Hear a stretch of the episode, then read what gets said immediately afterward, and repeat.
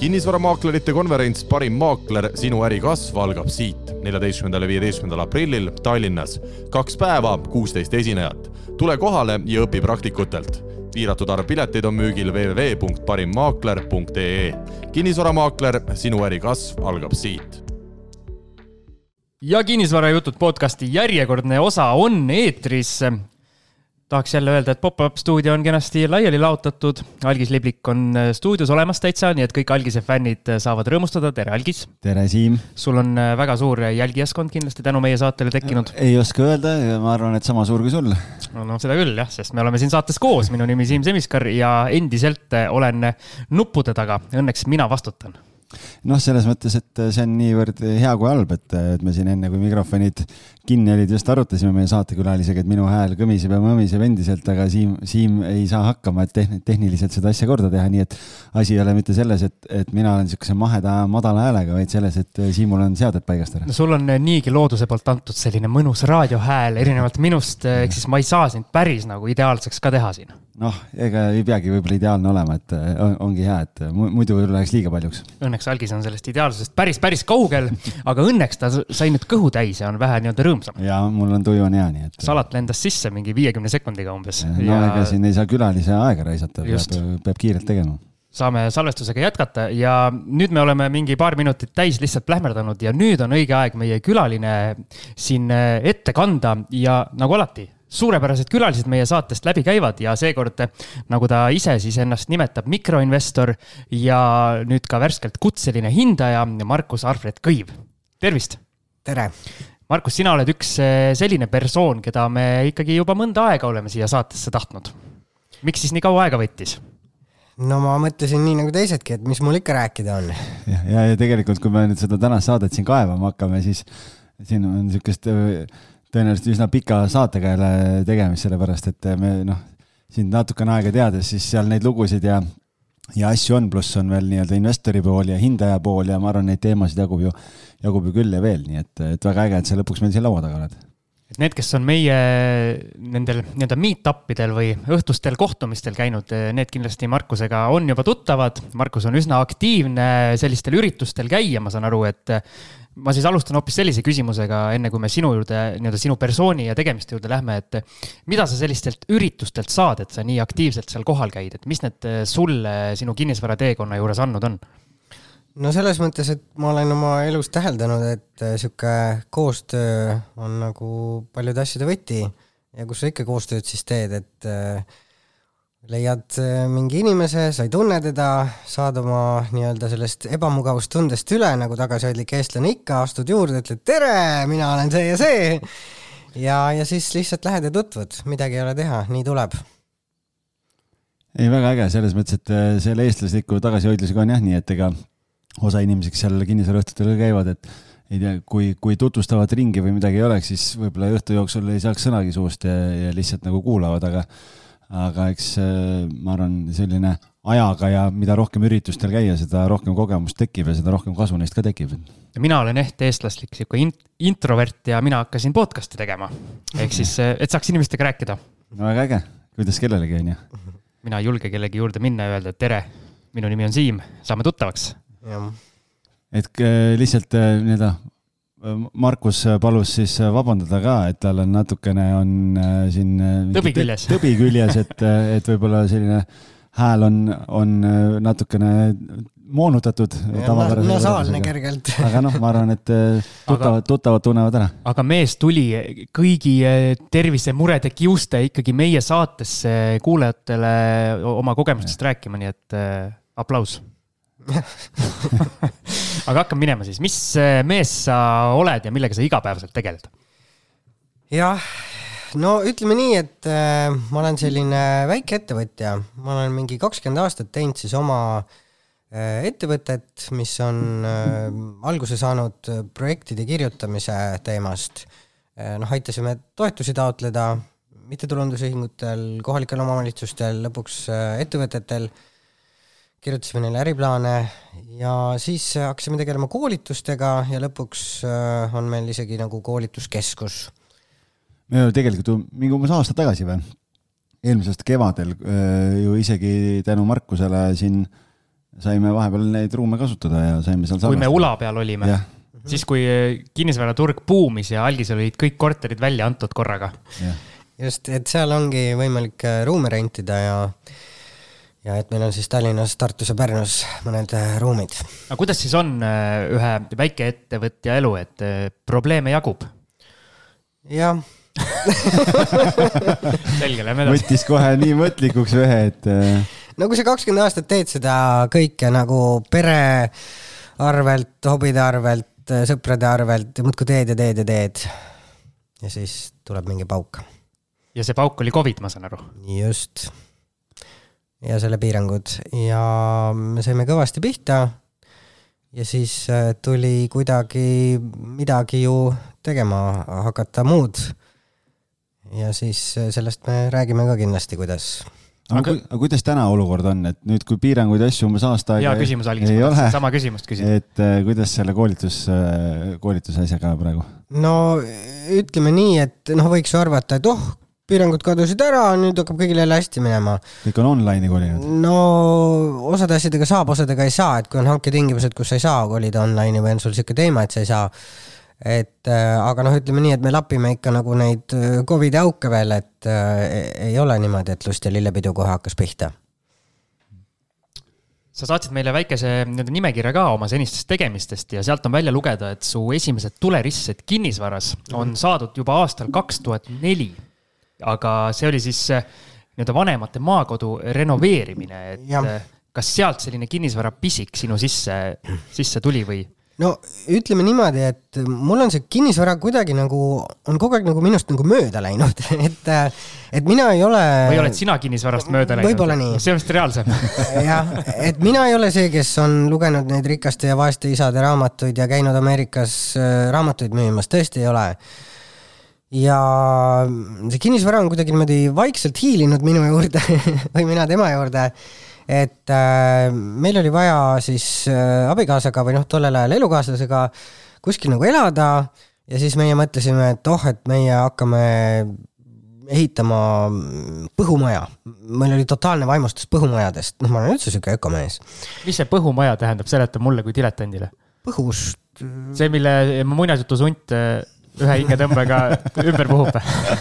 Jah, see võis olla tal õlgedest, aga põhk on, põhu ja heina vahe on see, et põhk on nagu viljakõrtest, kui ma nüüd ei eksi, onju ja ühesõnaga, meil oli tohutu plaan ja siis me mõtlesime, et jaa, me hakkame seda ehitama, aga noh, et seni, kuni me seda ehitama hakkame, et siis lähme natuke elame seal äh, mu noh, isa lapsepõlvekodus, teeme selle natuke säänsemaks, onju no ütleme nii, et seal ei olnud kolmkümmend, nelikümmend aastat keegi noh, niimoodi nagu sees aasta ringi elanud, on ju, aga meie kaks noort entusiasti, milles küsimus, naine oli veel kunagi remonti ka teinud kuskil noh, niimoodi oma eelmistes üürikates.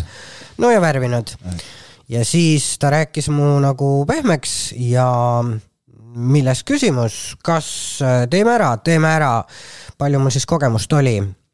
ma olin oma elus öö, remondiga kokku puutunud et olid mm. näinud kõrvalt, et keegi kuskil midagi on teinud? Äh, kahjuks ka mitte seda, ma olin äh, teinud, äh, värvinud pool aiaposti ära pool, siis oli. poole pealt võeti, poole pealt võeti maha, öeldi, et see mees rohkem ei värvi. ma ei mäleta täpselt, aga see oli pool aiaposti ja selle kogemuse pealt me läksime sada aastat vana maamaja renoveerima.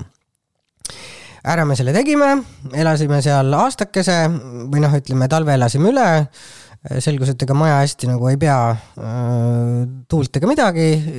talvel ööbisime seal mütsid kindad käes ja veepudel sooja veega varvaste ligi.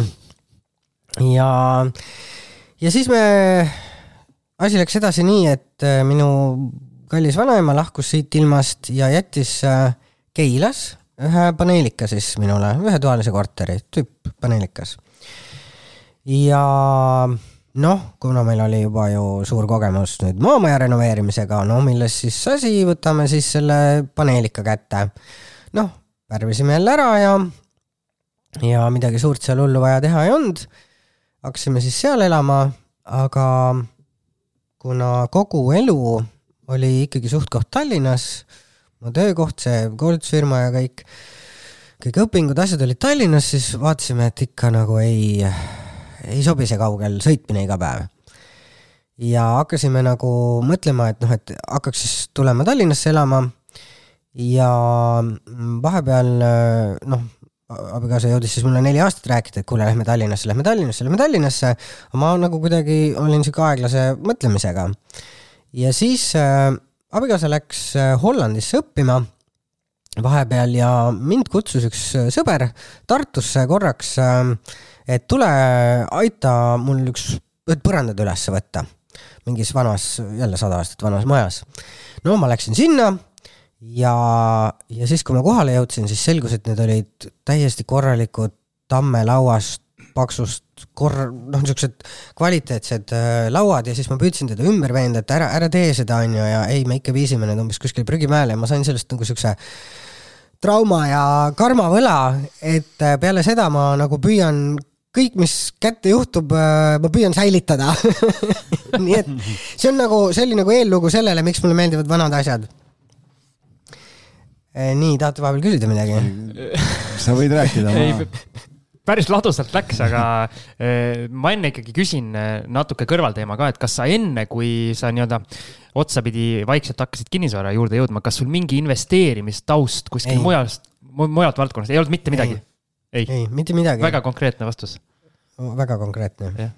täitsa tuhma. puhas leht jah ja.? täiesti. okei okay,, aga ja neid ma noh, ei oskakski nagu noh, ei oleks tollel ajal osanud ju investeeringuteks ka nimetada, eks ole, noh, see selgub alles hiljem, kui ma jutuga sinna jõuan. jah, aga tuleme korra tänapäeva, et siis minna mm -hmm.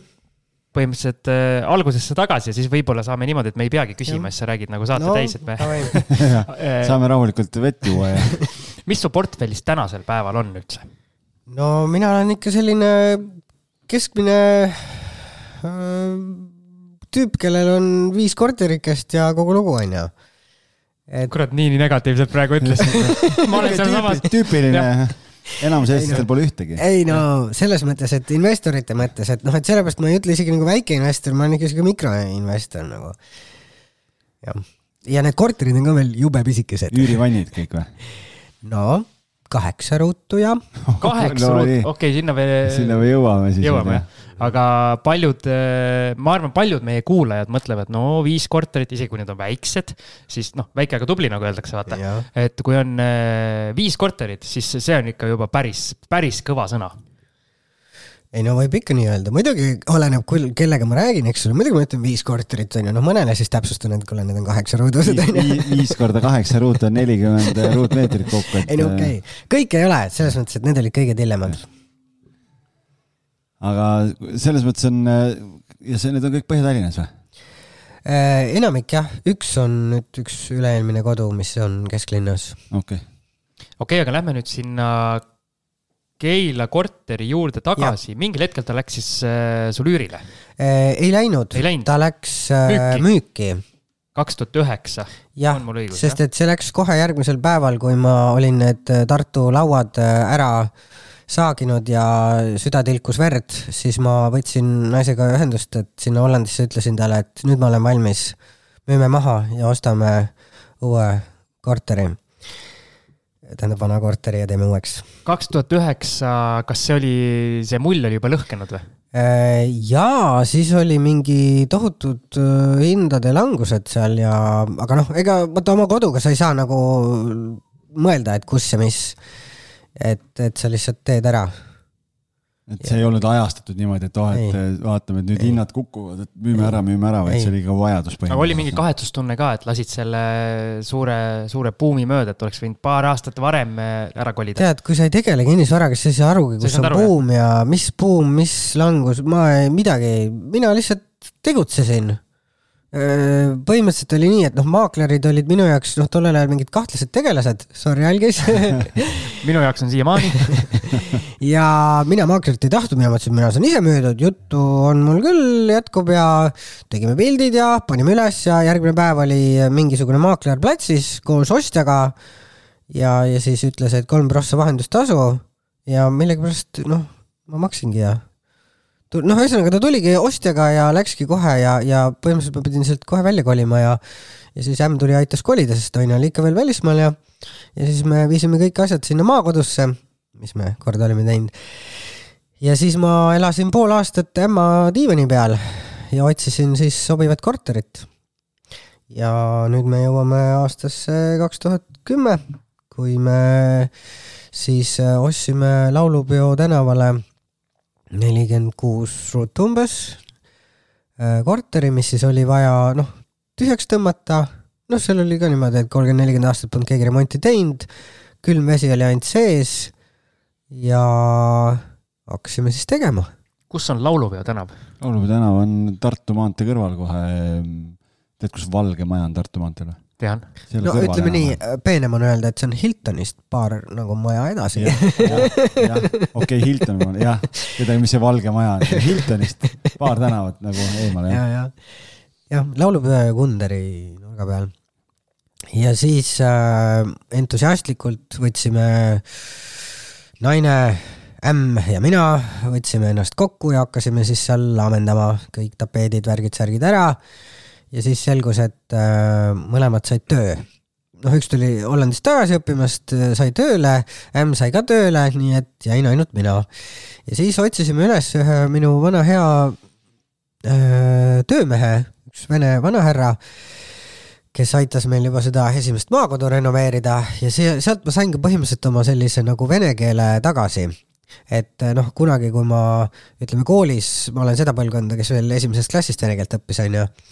aga ega siis sellega nagu päriselt rääkima ei õppinud, aga see, see aasta, mis me selle vene töömehega seda laulupeo korterit eh, renoveerisime, see andis mulle nagu tagasi kogu, kogu selle keeleoskuse, noh, väga spetsiifilise, noh, nagu ehitusvaldkonna, onju selleni me veel jõuame, miks ma sellest räägin see on sulle kasuks tulnud hiljem, ma no, saan aru.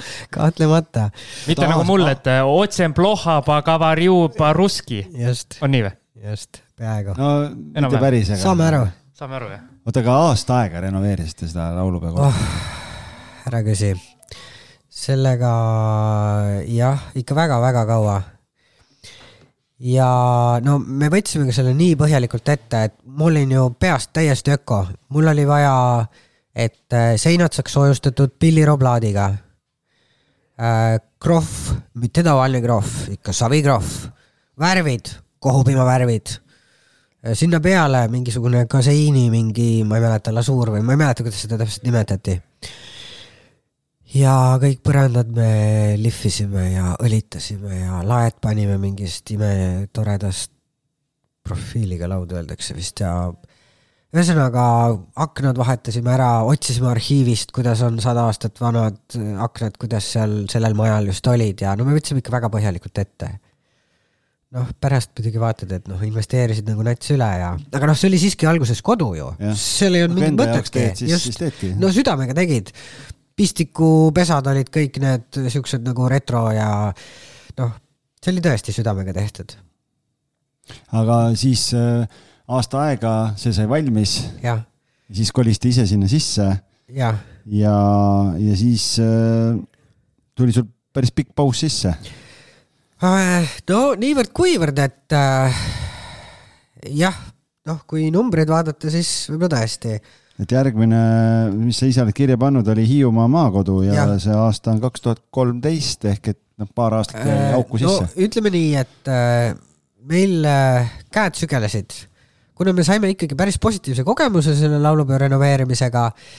aga me kartsime, et nelikümmend kuus ruutu, noh, et äkki pere hakkab laienema, äkki jääb väikseks nagu.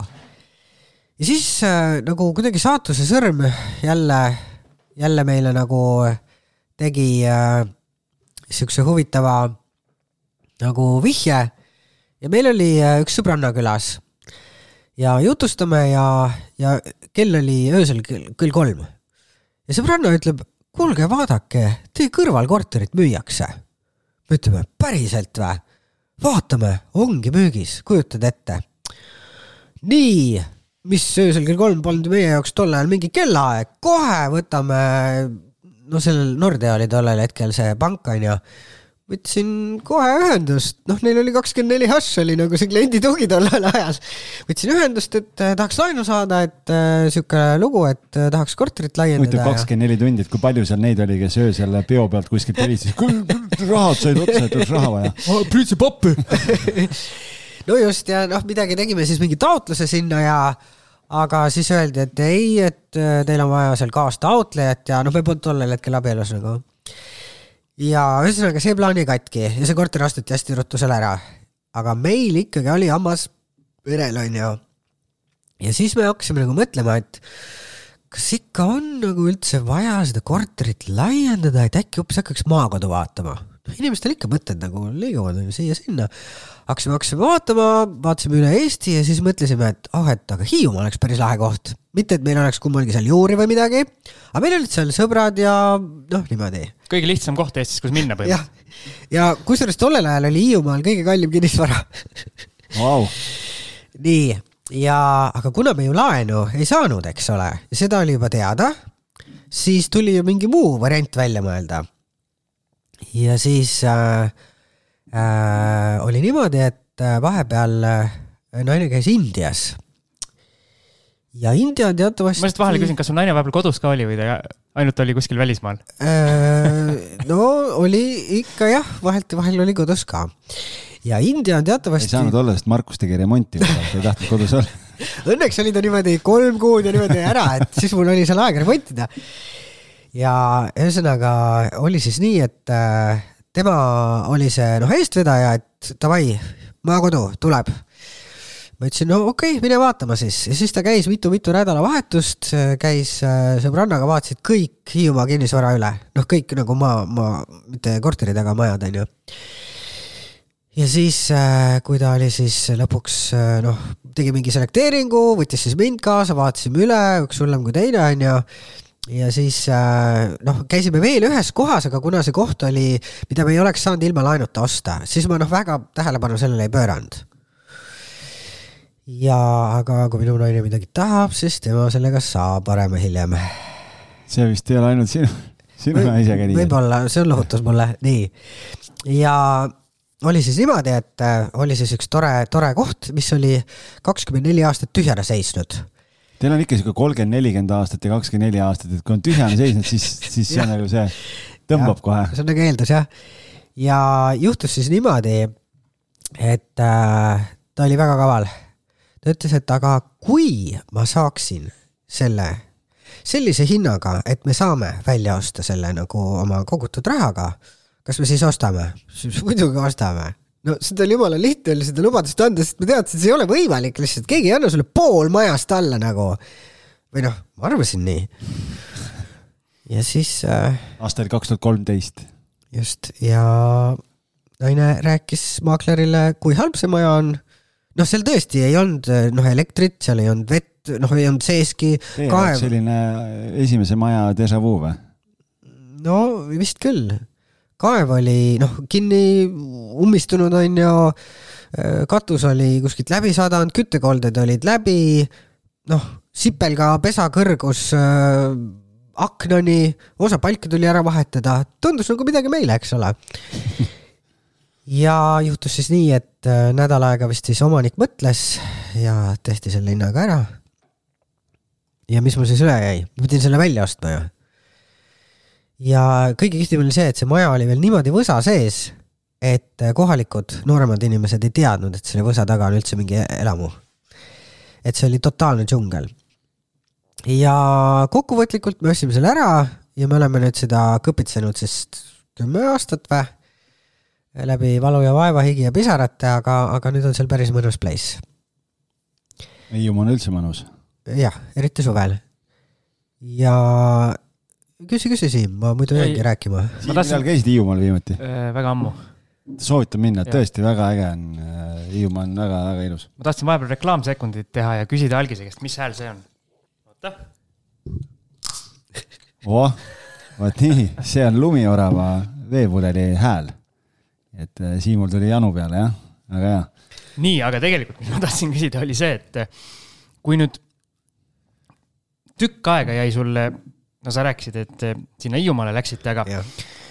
hiljem oled kindlasti mõelnud, et tükk aega oleks saanud väga odavalt väga häid korterid osta, aga kuna sul siis seda investeerimispisikut tol hetkel ei olnud, siis sa ei osanud ei. millestki puudust tunda nagu.? ei, absoluutselt, ikka veel ei olnud, no kujutad ette, ma räägin, kinnisvara käis. millal me kõrval. lõpuks jõuame sinna? kinnisvarani jah, tähendab, miks ma nendest asjadest kaua räägin? kaua sa neid kodusid ehitanud? jaa, me olemegi ainult kodusid ehitanud. Et miks ma nendest asjadest räägin, on lihtsalt see, et, et kust ma need kogemused nagu sain, et pärast üldse julgeda mingeid investeeringuid teha. sest see oli juba neljas äh, objekt tegelikult, vanemate maakodu, Keila, siis tuli laulupeo ja, ja nüüd on see. sealt juba iga, iga asjaga ju kama, kamaluga kogemust. okei okay,, aga ma siis küsin, millal sul esimest korda koitis, et, et kuule, et selle kinnisvaraga võiks hoopis nagu kas siis raha hakata teenima või? jah, sa küsisid seda väga õigel hetkel äh, praegu, sellepärast et kronoloogiliselt oleme me selles kohas. no eks kus... ma natukene aimasin kus juhtus niimoodi, et äh, kuidagi ma sattusin Peeter Pärtli äh, mingisse listi äh,. ja ju siis oli niimoodi, et mina kutsusin teda koolitama oma firmasse, no mingit ettevõtluskoolitust või midagi. ja tema jälle kutsus meid vastu nagu oma kinnisvaraüritustele ja need olid need megasuured äh, noh, nii-öelda nagu massiüritused, äh, kus siis noh, need laivis nagu päriselt, mitte, mitte mingid väiksed asjad ja, aga sinna läks veel natuke aega, aga, aga ühesõnaga ma mingisse listi sattusin ja ma ütlen, ma olen väga pika nagu juhtmega, onju. nii, ja siis äh, kui me selle Hiiumaa saime, siis äh, äh, saime siis nagu hakata tegema. võib-olla mõne nüansi ütleks siit, mis on nagu võib-olla inimestele kasulik, et kui nad lähevad nagu kuskile maale elama.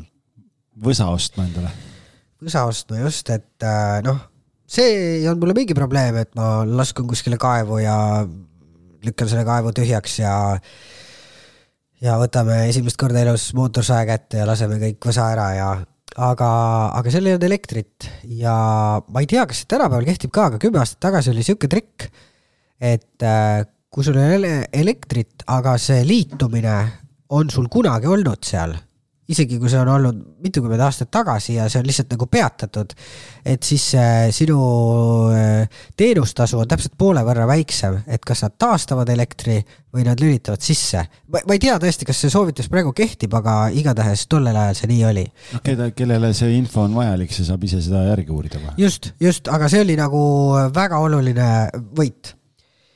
ja, ja teine asi mis ma soovitan, et äh, kui te kuskil üldse nagu mingi maja ostate, siis enne kui te midagi nagu aias tegema hakkate, siis oleks kaval tellida nagu mingi maa mõõtmine peale.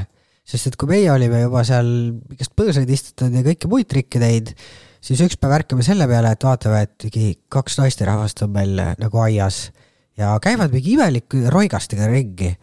siis selgus, et naabriprouad olid nagu kuskilt kaartide pealt, vanade kaartide pealt välja lugeda, et noh, et meie aed on tegelikult nagu nihkes, on ju. ja, ja siis nad käisid selle, noh, kuidas öeldakse, see meetri mõõdupuu, vaid et sihuke A-kujuline ja siis nad noh, mõõtsid sellega.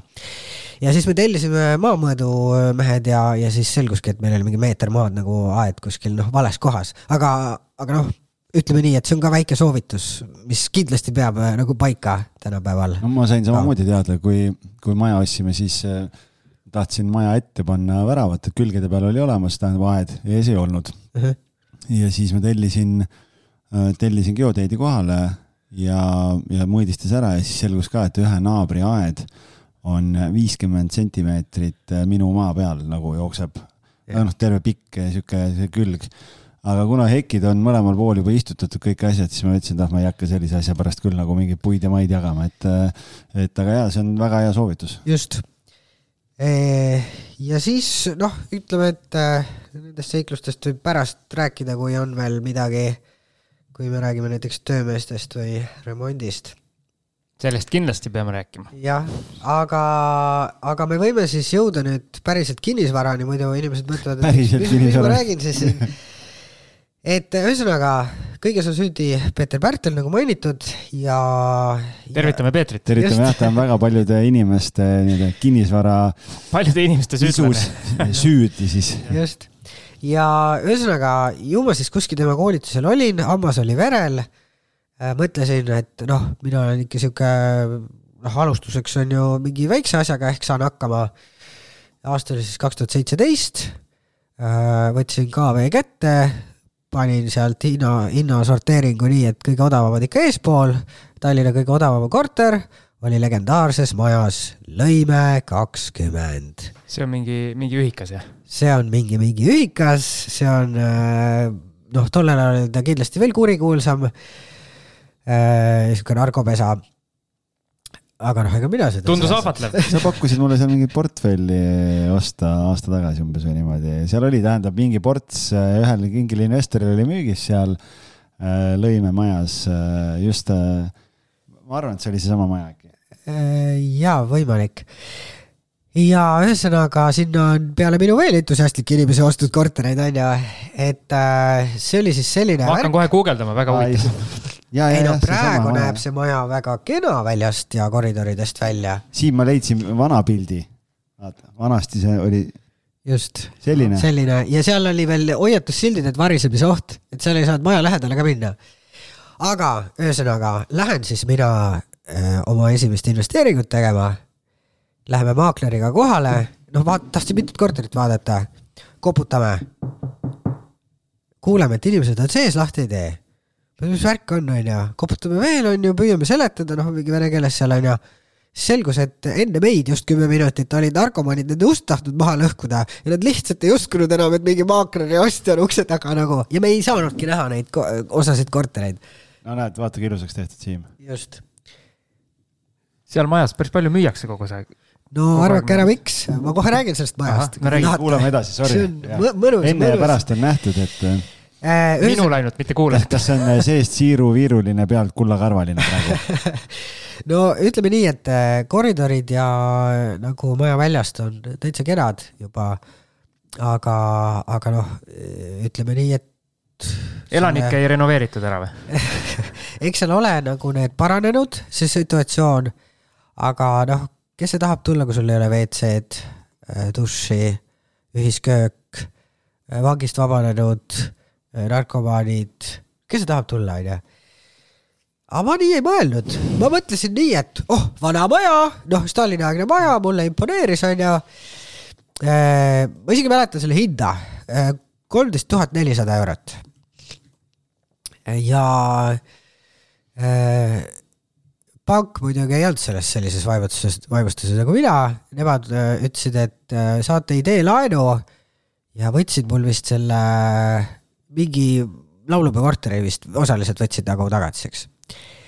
okei okay,, võtsin oma idee laenu. Äh, vaatasin, et noh, siin ei ole mõtet investeerida. ma ei investeerinudki, võtsin prussakad, kraapisin seinalt maha. võtsin suure värvirulli, värvisin selle tapeedi lihtsalt üle. Äh, panime mõne uue pistiku, noh mingi põletpistiku asemele ja suures osas that's it ja panid üürile? jah. kuidas läks? viis kuud ei läinud kuidagi viis kuud või, seisis tühjana? prussakate pärast ei läinud või maja pärast Ke? keegi ei tahtnud lihtsalt sinna tulla. no võib-olla oli mul kallis üür või, või noh, ikkagi see maja, tähendab, noh, mõni inimene käis viis kuud oot,, oot-oot-oot, viis ja. kuud, see on no, pool aastat põhimõtteliselt. jaa, aga kuna ma ju väga hoolega vist seal Peetri koolitusel ei kuulanud, onju, et noh, et mingi tootlus ja nii edasi ja. vakants ja sellised asjad vakants olid teadmata. mis see vakants tähendas, onju. ja siis äh, noh, jah, ühesõnaga ju me siis lõpuks lasime seda hinda alla ja ja noh, ega ma ei tahtnud ise väga näitamas ka käia, tead, aga, aga noh, lõpuks äh, tekkis mul sealt üks äh, tore maakler. ja temaga me suhtleme siiamaani ja tema on minu sihuke kodustatud maakler kodustatud. just ei noh, selles mõttes. ja ma tahtsin just öelda, et igaks juhuks ei küsi, mida see tähendab. ei, ei, ei, ei. aga sa ei nagu... mõelnud seda, ja ma saan aru, ma saan aru. professionaalsel tasemel ja, ja siis ühesõnaga see lõime oli siis selline, et äh, noh, osad inimesed, kes sinna ostsid, nagu müüsid selle kohe-kohe maha, sest et nad said aru, et oh my god, seal ei liigu mitte midagi. aga sind ei hirmutanud üldse siis sa kuidagi, et sa ostsid sinna, kui see maja ja kõik oli nii kehva, et nagu, mis sul arus oli? ma ei tea ma läksin veel sinna majja, nagu ma vaatasin veel neid ühisruume, aga noh, vaata, seal on, enamik oli vene inimesed, on ju, vene inimene väga seltsiv, on ju.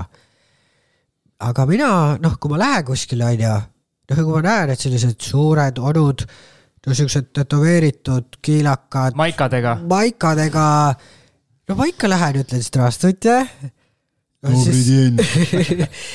ja nad noh, niimoodi ütleme nii, et noh, nad näevad lihtsalt, et ma olen nagu selline, et kui nad tahaks, lööks kohe maha, eks ole aga kui ei taha, noh siis las tühi elab, onju. oli sellise näoga, et ei taha? no näed, ellu jäin, onju. ja, ja siis äh, lõpuks mul oli seal äh, ikka mõni üürnik ja mul on olnud seal eksvange ja ekstänava, tänavalt nagu. Sul on kuulutuses kirjas, et äh, otsin neid, kes on eks. jah, ei ole ei ole ja, ja siis ma kogu aeg arvasingi, et see ongi ainult selline korter, kus saabki olla orienteeritud sellisele seltskonnale. siis ma sain sinna ühe süürlasest pagulase, hästi meeldiva noormehe kes noh, vist seal ikka natuke elas siis ka aeg-ajalt. Ja siis, siis seal olid igast kahtlasi tüüpe, mõnda ma isegi ei näinud, mõnede inimeste osas helistati mulle aeg-ajalt laupäeva hommikul korteriühistu esimehe poolt öeldi, kuule, su üürnik jookseb jälle noaga ringi ja ähvardab teisi inimesi. see oli küll tore ja, aga ikkagi kuidagi ma millegipärast ei loobunud sellest. ja võib-olla see loobumise või mitte loobumise võti on nagu see, et et seal toimuvad iga aasta väga korralikult äh, korteriühistu koosolekud ja siis seal otsustatakse iga aasta. Nüüd hakkame kanalisatsiooni ja vett sisse panema. ja siis noh, kui sulle ikka seda öeldakse iga aasta, siis sa ju ikka usud, onju ja, ja investorid. iga-aastane see päevakord on sama. iga-aastane päevakord on suht muutumatult sama ja iga kord ja kõik kuulutused, mis on müügikuulutused, on seal ka alati kirjas, et kohe hakkab ühistu panema või et on vastu võetud otsus. tuleta meelde, et kaks tuhat seitseteist Markus ostis, praegu on kaks tuhat kakskümmend kolm, et see on ja. siis siiamaani on see. siiamaani ja ikka investorid ostavad ja loodavad ja, ja siis pettuvad ja teevad tohutult kalleid remonte ja, ja aga noh, ma mõtlesin, et no kui ta on nii kaua mul oodanud ja noh, seal ikkagi on ju mul inimesed sees, on ju, siis noh, ehk ootab nagu veel siis, äkki saame lõpuks. kas sa siis aastatega on, eh, noh, nüüd sa ilmselt vaatad ka tootlusnumbreid ja siukseid asju, mida sa võib-olla alguses ei vaadanud, et kas ta nüüd on nagu okei okay no, objekt? toodab ikka ära jah, et äh, ma noh, praegu on seal ikka üürid kõvasti tõusnud ja hetkel elab mul üks Ukraina noormees seal sees, kes on nagu tu-tu-tu, aga väga rahul kaks tuhat kakskümmend ja kakskümmend üks. oota, oota, oota, oota korra, ma, ma olin, jäin korraks tasa sellepärast, et ma otsisin välja selle pakkumise, mis mul meili peale tuli, ma tahtsin teada, mis ajal see oli seal Leinemajas no.. ja see on äh, aastal, äh, see oli sügis kaks tuhat kakskümmend. ahah, koroona. Äh, olid, olid need korterid seal müügis ja ja seal oli müügis korraga üks, kaks, kolm, neli, viis, kuus, seitse, kaheksa, üheksa, kümme, üksteist, kaksteist, kolmteist, neliteist korterit oli korraga müügis seal. üks investor siis müüs? Äh, jah, nagu plokkdiili äh, pakuti. ja ma tean, mulle pakuti neid ka ja ilmselt ma siis pakkusin siis äh, sulle edasi võib-olla. jah, et siin siin jah, on presentatsioon ja see pakkumine on kaasas. Mm, tegu, tegutsev ühistu renoveeritud on fassaad ja vahetatud katus ning elektrijuhtmestik. aga seda ja. infot ja siin olid isegi üürilepingud. Äh, enamus korterid on kehtivate üürilepingutega oli seal info juures. kuulutuse pildid, asjad, aga jah, siin ei olnud seda, seda kanalisatsiooni veeinfot ei olnud, aga ma mäletan, ma vist tollel ajal sinuga kuidagi rääkisime ka sellel teemal ja, ja siis tuli ja. välja jah, et kohe-kohe hakatakse ja. tegema. ei no ma ise tegelikult äh, lõpuks haarisin härjal sarvist ja pakkusin, et davai, et ma organiseerin ise selle, teeme ära, onju. ma käisin notaris, et kuidas seal äh, asju teha ja kuidas nendest kohutavatest ühisruumidest lahti saada ja, ja, ja kuidas äh, noh, kõik see vesi ja kanalisatsioon, noh, mul on kontaktid olemas ju aastatega siin tekkinud, on ju, et mul on tagataskust võtta inimene küll, kes teeks kortermajas täiesti ära kõik asjad, on ju. aga no lõpuks sa nagu lihtsalt ei jõua tuuleveskitega võidelda. aga ma ei ole lootust siiski kaotanud. aga kui palju seal korterit kokku siis on, kui siin müüdi investori Sada. poolt? sadakond, jah? ongi ta... kas, kas üheksakümmend kaheksa korterit äkki okay. või? ehk siis ikkagi on selline korralik ühikas. jah mitte mingi naljaühikas. aga kui sa näed, et seal aastast aastasse on needsamad jamad ja asjad, miks ära ei ole müünud, siis noh, tegelikult ma arvan, et siin eelmine aasta või üle-eelmine aasta oleks ju väga korralikku äh, kasumi võtnud. kusjuures siin viimati müüdi mingi kolmekümne kahe tuhandega sellised väiksed, need on tillukesed korterid, mingi kaksteist koma kuus ruutu, aga mul on rõduga korter, no kuidas ma müün ära noh? aga, aga jäta rõdu endale kas äh, sa räägid numbritest ka või ei räägi? mis hinnaga sa ise ostsid, sa ütlesid praegu, millega müüdi, aga. jah, aga noh, praegu ma vaatasin eile, et seal on mingid üürihinnad on mingi kahesaja ringis, aga minu meelest oli seal ainult üks üürikorter praegu. aga, aga mis hinnaga sa ise ostsid selle kaks tuhat seitseteist? ma ütlesin, kolmteist tuhat nelisada. okei, nojah, siis on oli, kolmekordne, kolmekordne hind põhimõtteliselt praegu. et Tallinna kõige odavam korter oli see, ma arvan. vot. nii, ja siis. kas ma nüüd tohin oma küsimuse küsida? palun, palun. vabandust. vabandust yeah kaks tuhat kakskümmend, kakskümmend üks, mul on ilusti formuleeritud lihtsalt see küsimus, ma nägin palju vaeva äh,. alustan uuesti, kaks tuhat kakskümmend ja kakskümmend üks hakkasid ja. sa paugutama, sest ja. ostsid Põhja-Tallinnasse kaks investeerimiskorterit ja. korraga. Äh, peaaegu jah. plokktehing on selle asja nimi äh, no mida iganes, et äh, ühesõnaga tegelikkuses oli asi nagu hoopis kurb, et oli sügav koroonaaeg ja istusin oma tühjas koolituskeskuses ruume ei saanud ära anda, sest et hanketingimused ei võimaldanud seda, sest et mul oleks homme päev noh, võinud olla nii, et öeldakse hankija poolt, et nüüd ikkagi teete koolituse, onju. ja siis äh, ma mõtlesin, mida, no mida ma teen, onju, no mida ma teen, mul ei olnud mitte midagi teha. ja siis ma mõtlesin, et aga mis on mingi natukenegi koroonakindlam asi nagu siin elus ja mulle tundus, et kinnisvara on. ja, ja siis äh, ega mul tegelikult ei olnud nagu sihikindlat äh, mõtet, et nii, nüüd ma lähen hakkan ostma midagi, tegelikult oli jälle Peeter Pärtel süüdi oma kogukonnaga. et kellega meil on iga nädal siuksed videokõned ja ühe videokõne lõpus üks äh, inimene ütleb, et kuulge, et mul on Põhja-Tallinnas pakkuda üks väike korter. noh, mul kohe kõrvad liiguvad, Põhja-Tallinn on ju, noh ise selleks hetkeks ma elasin juba ka Põhja-Tallinnas. ja noh mis on ju, noh, ütleb siis mingi, ma ei mäleta, kas see oli viisteist tuhat äkki või, midagi sinnakanti. ja kohe, kui see kõne lõppes, mina kohe tõmban traati, on ju, et kuule, räägi täpsemalt, mis sul on seal, on ju. ütleb, et oh, sihuke lugu, et mul on seal jah, üks korter ja et noh, et koos üürnikuga saad ja üürnik on nagu sees ja ja noh, mis seisus korter on, noh ikka väga hullus ja okei okay.. Läheme siis vaatame. no maja on väljast ilus ja jälle siukest Tallinna-aegne maja. ja koridor on seest niimoodi, et see pahnott, mis sealt vastu lõi, oli selline noh, nagu öeldakse, see investori pahnott on ju. me oleme rääkinud, jah, see on see äh, lõhna. rahalõhn, rahalõhn on see nimi. nii, aga okei okay,, ma, mul taluvuspiir on kõrge selles suhtes. Läheme siis vaatame seda korterit, kõigepealt koputame uksele, noh uks oli noh üldse lahti, see uks ei käinud lukus, noh umbes võib-olla kakssada aastat juba ja, ja siis äh, on siis seal üks vanaproua, sihuke, ma ei tea, seitsekümmend, kaheksakümmend vanust. ja see korter, noh, nägi ikka väga õnnetu välja eh,. noh, ilmselt ei olnud ka nagu hügieenieelistused nagu võib-olla sellised tänapäevased temal ja, ja siis äh, nagu, aga see müüja, kes on ka tegelikult meie oma kogukonnast, äh, ütleb, et tegelikult siin on kuskil sees noh, kanalisatsiooni nagu äravool ja veetoru on ju, no kus kohas, eks ole. noh, see korter oli kaheksa ruutu suur. kui ma sirutan oma käed välja, siis mul ulatuvad need seinast seina, minul kes Sinu... sa ei ole maailma kõige suurem inimene. jah, ma algisel võib-olla küünanukid ulatuvad, onju. algisel paneb pea uksest sisse, siis on ja. kõrvad, kõrvad on okei okay,, ma ei hakka sinna minema. just ja, ja põhimõtteliselt me otsisime, et kus see kanalisatsiooni asi on, noh vaatasime seal ühe kapi taha, teise kapi taha, aga kuna see kõik oli noh, päris ropp korrast ära, eks ole, siis me ei leidnud seda. kujutad sa ette, me ei leia kanalisatsiooni äravoolu selles mõttes, et me ei otsinud vetsupotti, ärge nagu seda mõelge, sinna oli kunagi tehtud mingid augud, eks ole, noh nagu korgitud kinni ja siis äh, ma võtsin ühendust ühistuga ja ühistu ütles, et nemad ei tea, kus need on ja ma küsin, kes siis tegi need, ah, eelmine ühistu tegi ja no aga ma ju ei jäta, eks ole, ma lähen läbi seinte ja uste ja mille onju. ja siis võtsin ühendust jälle vene keeles loomulikult onju, mingisuguse endise korteriühistu mingi tädiga onju. ja tema ütleb jah, nemad tegid onju ja ütleb, et aga miks te küsite, ma ütlen, noh, tahan korterit osta. tahate korterit osta? Aga mul on ka korter seal. ma ütlen, on või? no väga tore siis. kus teil on? ütleb, numbri selgub kõrvuti. ütlen, no soo, vaat kui huvitav on ju. ühesõnaga, see oli lihtsalt ainult minu julgusele tänu nagu.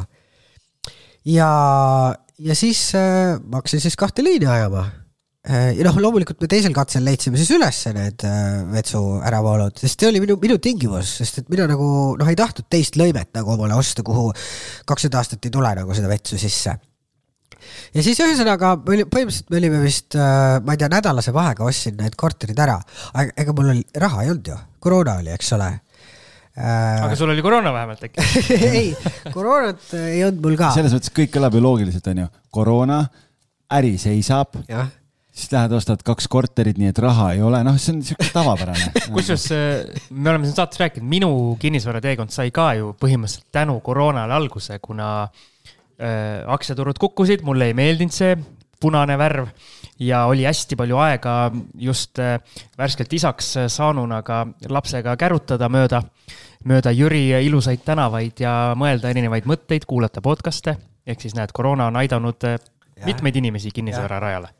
Ja kust raha said siis, kogukonnast jälle? Äh, no ütleme nii, et kuna Peetri kogukonnas raha on ei, ei, ei, ja, ja, ja raha on seal kindlasti, aga ei, ma sealt ei küsinud.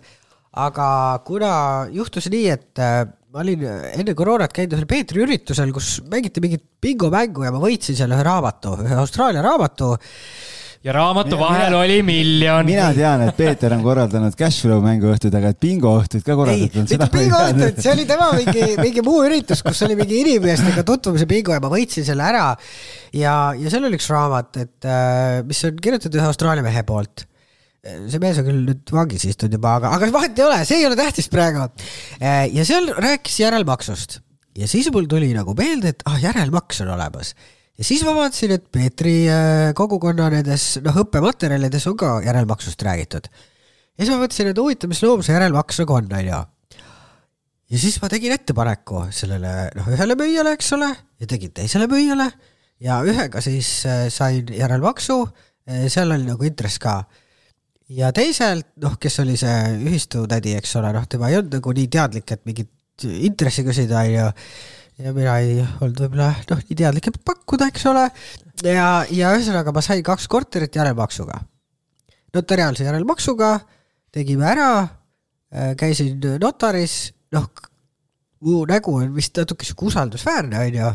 inimesed nagu usaldasid ja noh, nüüdseks on need loomulikult makstud, onju aga kuidas see, kas mingi sissemaks ka oli või hakkasid alguses lihtsalt kuumaksed? Äh? räägi lihtsalt sellest järelmaksust, vaata nendele kuulajatele võib-olla, kes ei tea järelmaksuga tehinguid, et mismoodi see on üles ehitatud, käisite notaris, mitme aasta peale te tegite, noh, kõik see on äh, huvitav teada.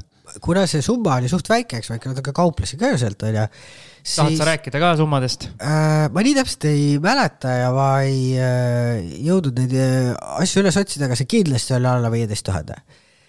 ja minu meelest oli nii, et ühega ma leppisin kokku kvartaalsed maksed ja teisega kuumaksed. ma lihtsalt jagasin kirvega selle summa ära ja ma maksingi, ma ei mäleta, aasta ja poolteist aastat äkki või. noh, umbes sihuke story oli. ja me käisime notaris, vabandust, ja notaris siis panime hüpoteegi peale, seletasin inimesele ära, seletasin äh, noh, üldse inimene tuli ju veenda, eks ole, et, et miks ta peaks sellise järelmaksu tegema, onju. ütlesin, et kui mina jään hätta, siis tema saab selle äh, korteri tagasi ja saab veel noh, kohe täituri või kelle abiga on ju selle ära müüdud, nii et noh, riski ju ei olnud ja ta oleks ju saanud juba paremas seisukorras korteri, eks. ja nii ta läks. ja nüüd tänaseks on tänaseks on makstud ja need on mul väga vahvad üürikad. aga sa siis ehitasid sinna vetsu sisse ja? jaa. ise ehitasid või, oma kätega? ei no mis seal siis on, pane vetsupoti paika noh. keset tuba või? potti ei pea ju ise ehitama ju.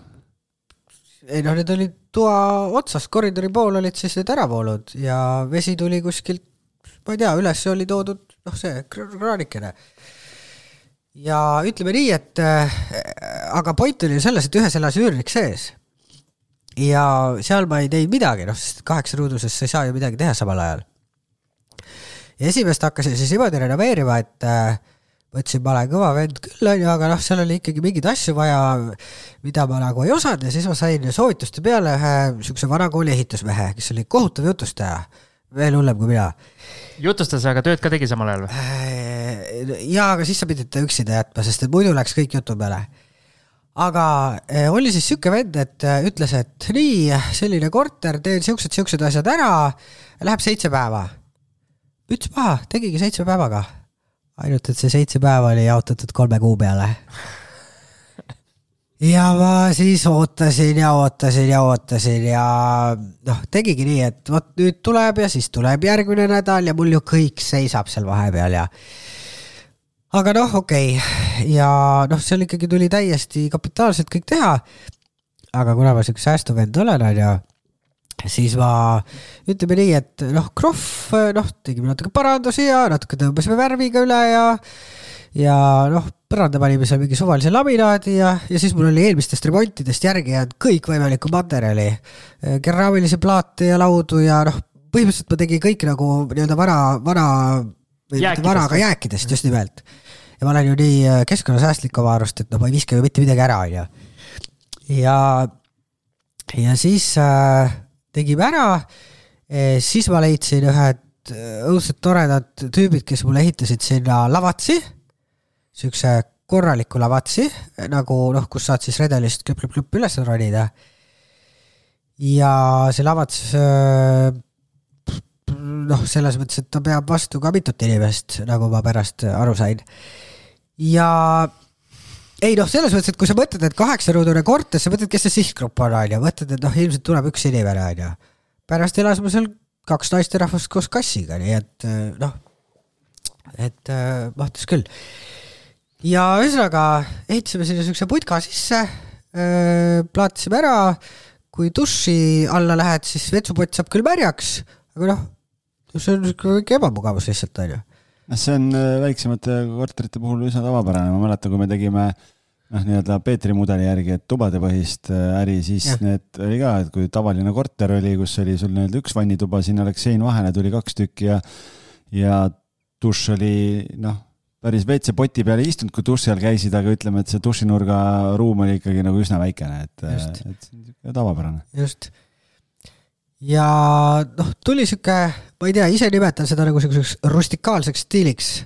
no ütleme, kui sa lähed kuskile Telliskivi linnakusse või Tartus kuskile aparaaditehasesse, siis seal ei ole aetud kipsiga sirgeks asjad, eks ole, seal ongi kõik lainetab ja lihtsalt on ilusaks värvitud, noh, mulle meeldibki sihuke ja seda on oluliselt lihtsam ka nagu parandada, kohtparandusi teha ja ma ei valuta kuidagi, kunagi südant selle pärast, et oi, mis see üürnik mul seal korda saadab, onju.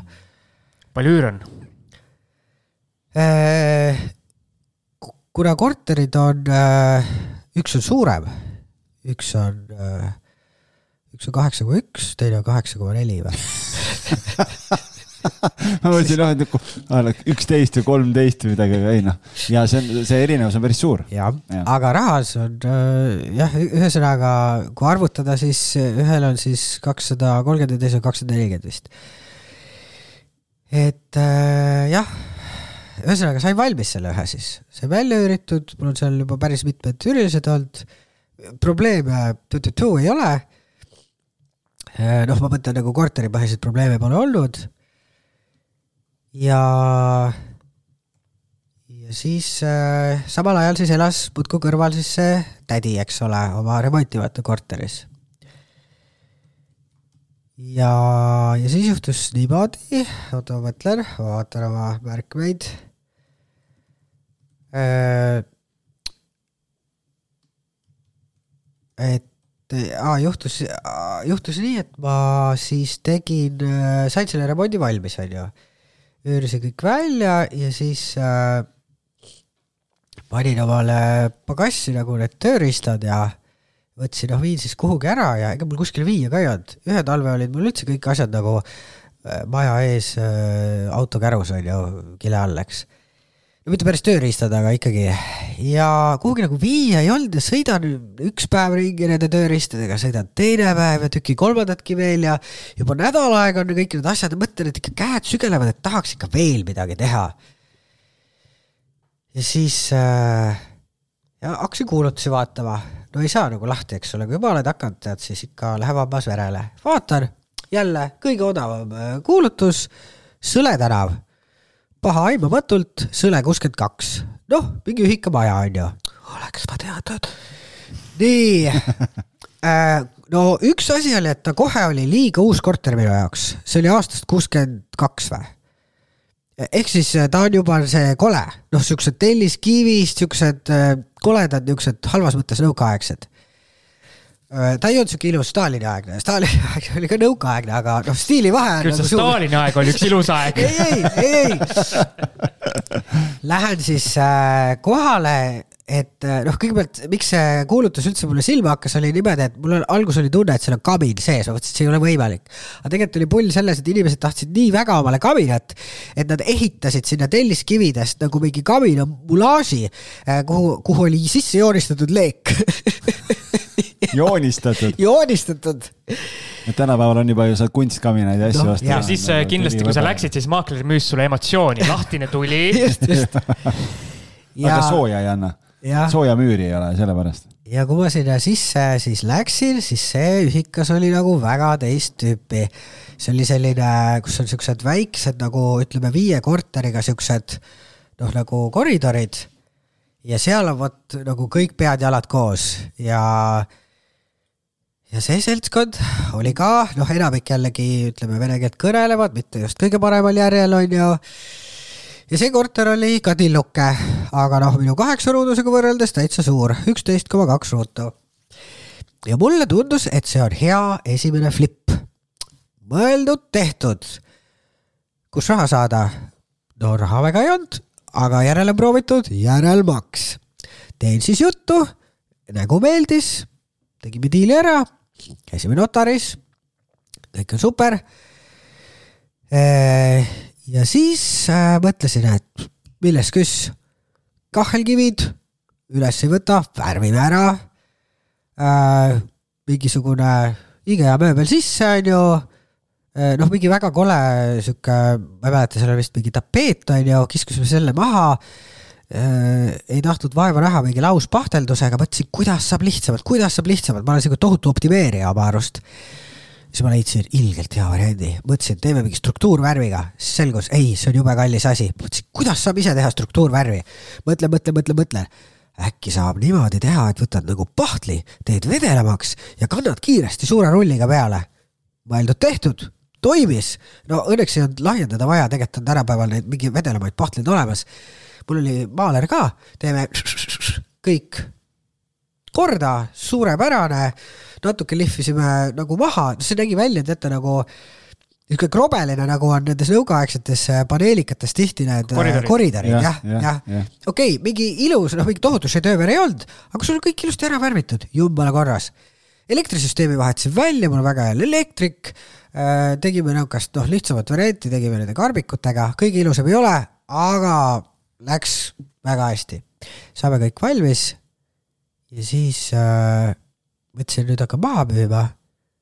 et noh, saab siit ühe mõnusa flipi oi, oi, oi, saan kõigile rääkida, oi, flipimees ka veel nii, ja siis äh, oli niimoodi, et äh, järsku selgus, et meil on seal üks väikene probleem. see probleem on tualettruumiga äh,. tualettruumiga oli siis see teema, et eelmiste omanike poolt oli sinna sisse pandud tualetipott täiesti toimiv pott, kõik oli jumala korras, remondi ajal mitte mingit probleemi ei olnud.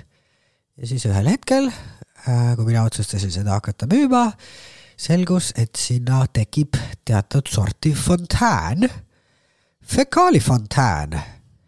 ehk siis äh, keegi otsustas ülalt korruselt äh, saata vetsupotist teele äh, ütleme kartulikoori ja no ajalehepaberit ja noh, siukest kraami, noh, sealt suutsin nagu tuvastada. prügikasti ja vetsupoti ja sassi ajada. ma ei tea, noh, seal olid ju kõik ühisvetsud, eks ole, ja, ja noh, kes oli ebaseaduslikult omale teinud nagu enamik, on ju, ja seal oli ka, noh, ma teadsin, et see on ebaseaduslik, aga noh, ma ei teadnud, et seal sihuke probleem kaasneb. Siis ma mõtlesin, mis asi see on, et mul igas korteris on mingi WC teema, kas seda ei ole? Või on mingi jama sellega, on ju. ja, ja nii ka siis seal sõles. Ja siis ma sain veel äh, ühistult kirja, et äh, palun likvideerida oma WC, siis ma mõtlesin, no mine metsa, no mis asja nagu on ju. ja vot see oli ühistu, kellega ma kunagi ei hakanud nagu läbi saama. Ja, ja siis äh, ühesõnaga ma kutsusin torumehe ja me uurisime seda WC-d, et miks seal see juhtub niimoodi ja noh, seal oli niimoodi, et sealt tuli nagu noh, põhimõtteliselt potist ja kraanikausist ja pesumasinani välja, see ei ole meeldiv.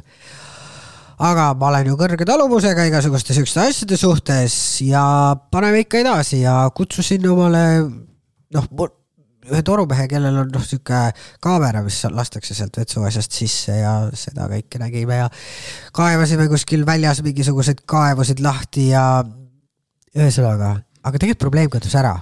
lihtsalt iseenesest kadus ära, sest et ju siis see umbistus kuskil likvideerus äsja ära nii, siis ma võtsin julguse kokku, et tegutseme nüüd edasi, aga ma ei julgenud seda ikkagi nagu maha müüa, sest ma ei tahtnud mingi varjatud puudusega müüa, onju.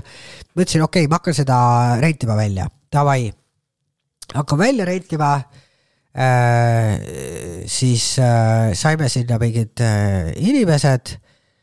jällegi tuli kaks naisterahvast äh,. ja seekord ei olnud mitte kassiga, vaid äh, papagoidega.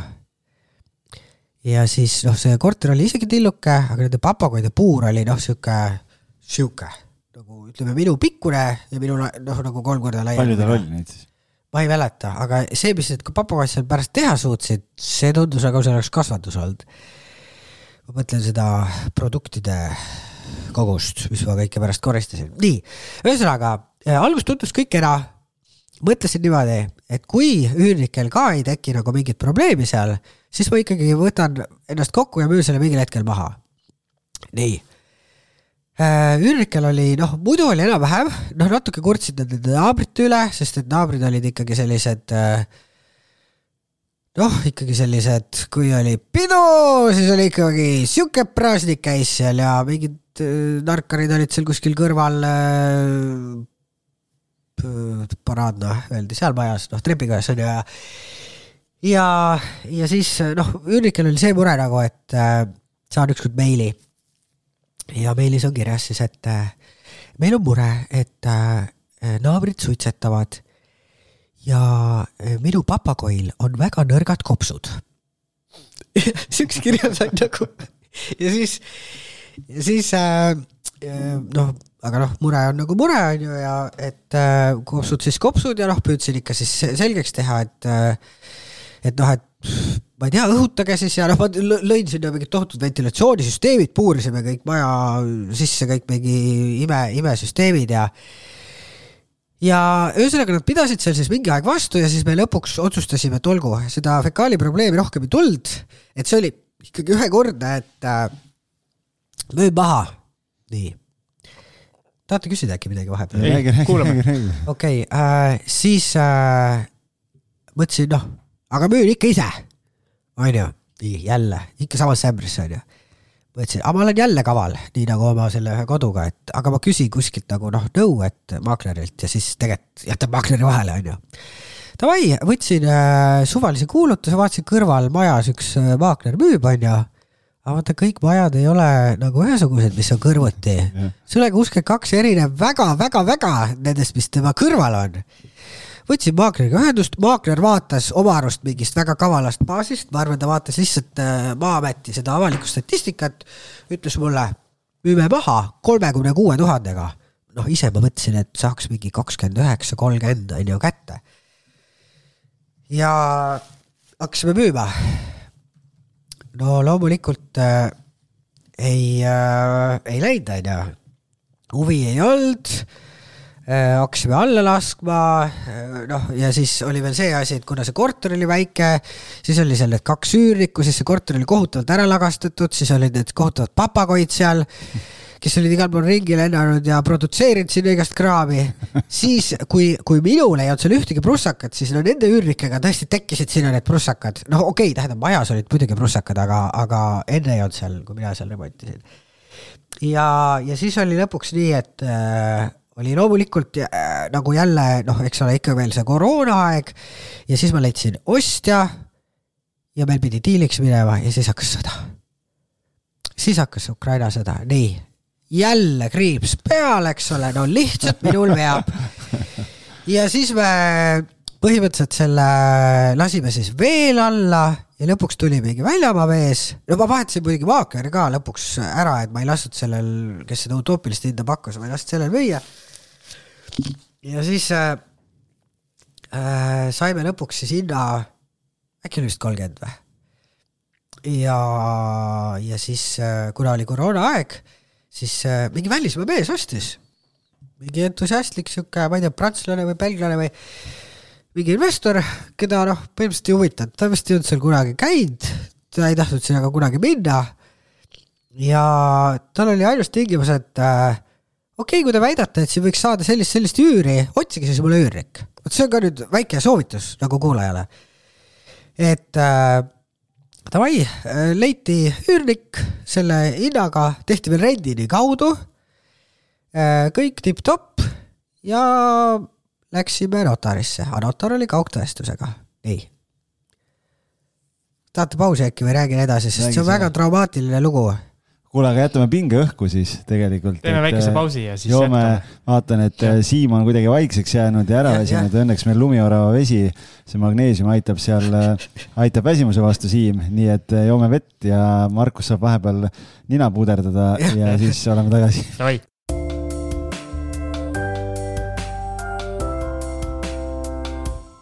nii, algisel on suu veel vett täis. ja, ja nüüd saan, saan rääkida. nüüd saad rääkida, nii. ja Markus on ka oma nina ära puderdanud, äh, valmis taas äh, jätkama ja meil jäi pooleli, jäime notarisse, kus midagi traumaatilist hakkas juhtuma. ühesõnaga siitkohal kohe soovitus, et kui te müüte midagi nagu kahtlast või mitte just sihukest esmaklassilist premium kinnisvara või sellega mingi jama, siis võtke mingi tuttav notar et äh, mis siis juhtus? notar rääkis tehingust välja selle inimese või äh,? no ütleme nii, et kõike oleks võinud juhtuda. see oli kõige kohutavam notari kogemus mu elus, ma olen ikka noh, mõned tehingud ju nagu teinud, onju. ja juhtus siis see, et äh, kuna oli kiire, sest et äh, see välismaa mees pidi, ma ei tea, kuskile veel kaugemale välismaale sõitma või, või oli seal mingi võtmete teema, ühesõnaga see tehing tuli ruttu ära teha ja minul maakler võttis noh, sisuliselt esimese ettejuhtuva notari aja, mis juhtus olema ühe Eesti väiksema linna notar. minul noh, null kogemust, nime ei teadnud, aga noh, mis siis on, on ju, korterid ikka müüakse ju seal ka, on ju.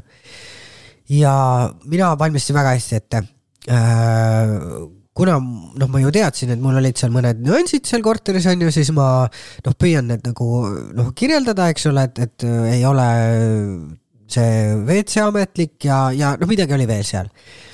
püüan helistada notarile, et noh, et kuidas seda seal sõnastada, no muidugi mingit notarit sa kätte ei saa, on ju nii, siis võtan mingi assistendiga seal ühendust, assistent ahah, ahah, ahah, äh, pange kirja, on ju, noh, panen kõik kirja, sõnastan nii nagu oskan, on ju.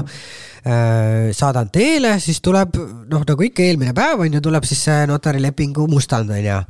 vaatan, Vau, kõik on läinud sõna-sõnalt sisse, nagu mina kirjutasin, super, mõtlesin, jess, ma oskan nagu mingit juriidilist teksti ka veel, oi kui kõva vend no,. me ju rääkisime, advokaadid käisid saates külas meil, et igaüks võib juristiks hakata jah, just, nii. ja järgmine päev siis äh, oli niimoodi, et äh, äh, hakkame siis seda kaugtõestust tegema äh,. väljamaa mees, mina ja notar. ja naine oli see notar ja kõigepealt äh, noh, oli kohe näha, et ta on mingil põhjusel nagu hästi nagu sihuke halvas tujus, see notar. ja noh, püüdsin nagu kuidagi mingi noh, tere ja noh, olin küll hästi soliidne, mingit nalja ei püüdnud visata, on ju, ega midagi. Äh, ja noh, ühesõnaga, et kui ta hakkas seal nagu ette lugema, on ju, siis ma nagu noh, ütlesin umbes, et midagi, midagi nagu püüdsin nagu täiendada, on ju, ja siis öeldi konkreetselt mida teie siin praegu ütlete? niisuguse häälega nagu onju, mul oli, issand jumal, sorry onju, oh my god, et kui me veel jõuame selle WC teemani, eks ole. ja, ja siis oligi, et äh, jõuab siis sinna ja noh, ta läks näost nagu sinilillaks, ütleb, et mis siin on kirjas ütlen, et noh, et siin on see tekst on ju, et mis ma saatsin ja püüdsin teie assistendiga rääkida. mind ei huvita, mida te minu assistendiga püüdsite rääkida, saad aru, selline kõnepruuk. ja saad aru, mina mõtlesin, et notarid on noh, sellised soliidsed inimesed, noh seni on mul absoluutselt kõik notarid olnud ikkagi väga viisakad äh, inimesed. Tema ei pea tegelikult olema tähelepanu keskmes üldse, me ju arutasime seda ka seal, et tegelikult nagu nende asi on nagu see tehing ka samamoodi läbi viia ja, ja nii-öelda osapooltele selgeks teha kõik ohud ja riskid ja, ja kõik asjad ja ongi kõik, et täpselt ja põhimõtteliselt ta peaaegu röökis mu peale ja, ja ta noh, tõesti kaotas nagu enesevalitsuse aga mis Ja- see põhjus nagu oli? äh,. umbes, et mida te siin üldse mõtlete sa arvad, ta arvas, et sa üritad välismaalasele mütsi pähe ma ei tea, ma ei tea, mida ta mõtles, et mida te siin müüte ja mis imelik korter see üldse selline on ja mis ühikas ja no ma ei tea, kas neil seal, ma ei saa, ma ei taha öelda seda linna, sest et ilmselt seal ei ole rohkem notareid, eks ole. lõuna poole või? Keskemale poole. Ja, ja siis, et ja mis WC jama ja mis asja ja mis ebaseaduslik ja mida te olete siin korda saatnud ja, ja noh, mul oli veel seal umbes siuksed laused, et, et noh, et, et noh, et kuna mina ei olnud seda WC-d ju sinna ise ehitanud, ma ei teadnud ju, mis seal kahelkivi taga on, siis ma püüdsin sinna panna lause, et noh, et, et ei ole teada, et äh, mis olukord seal on.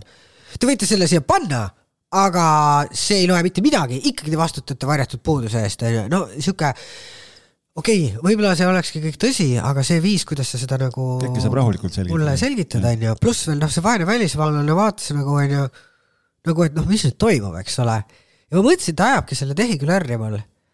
aga, aga õnneks see välismaa mees oli nagu jumala chill.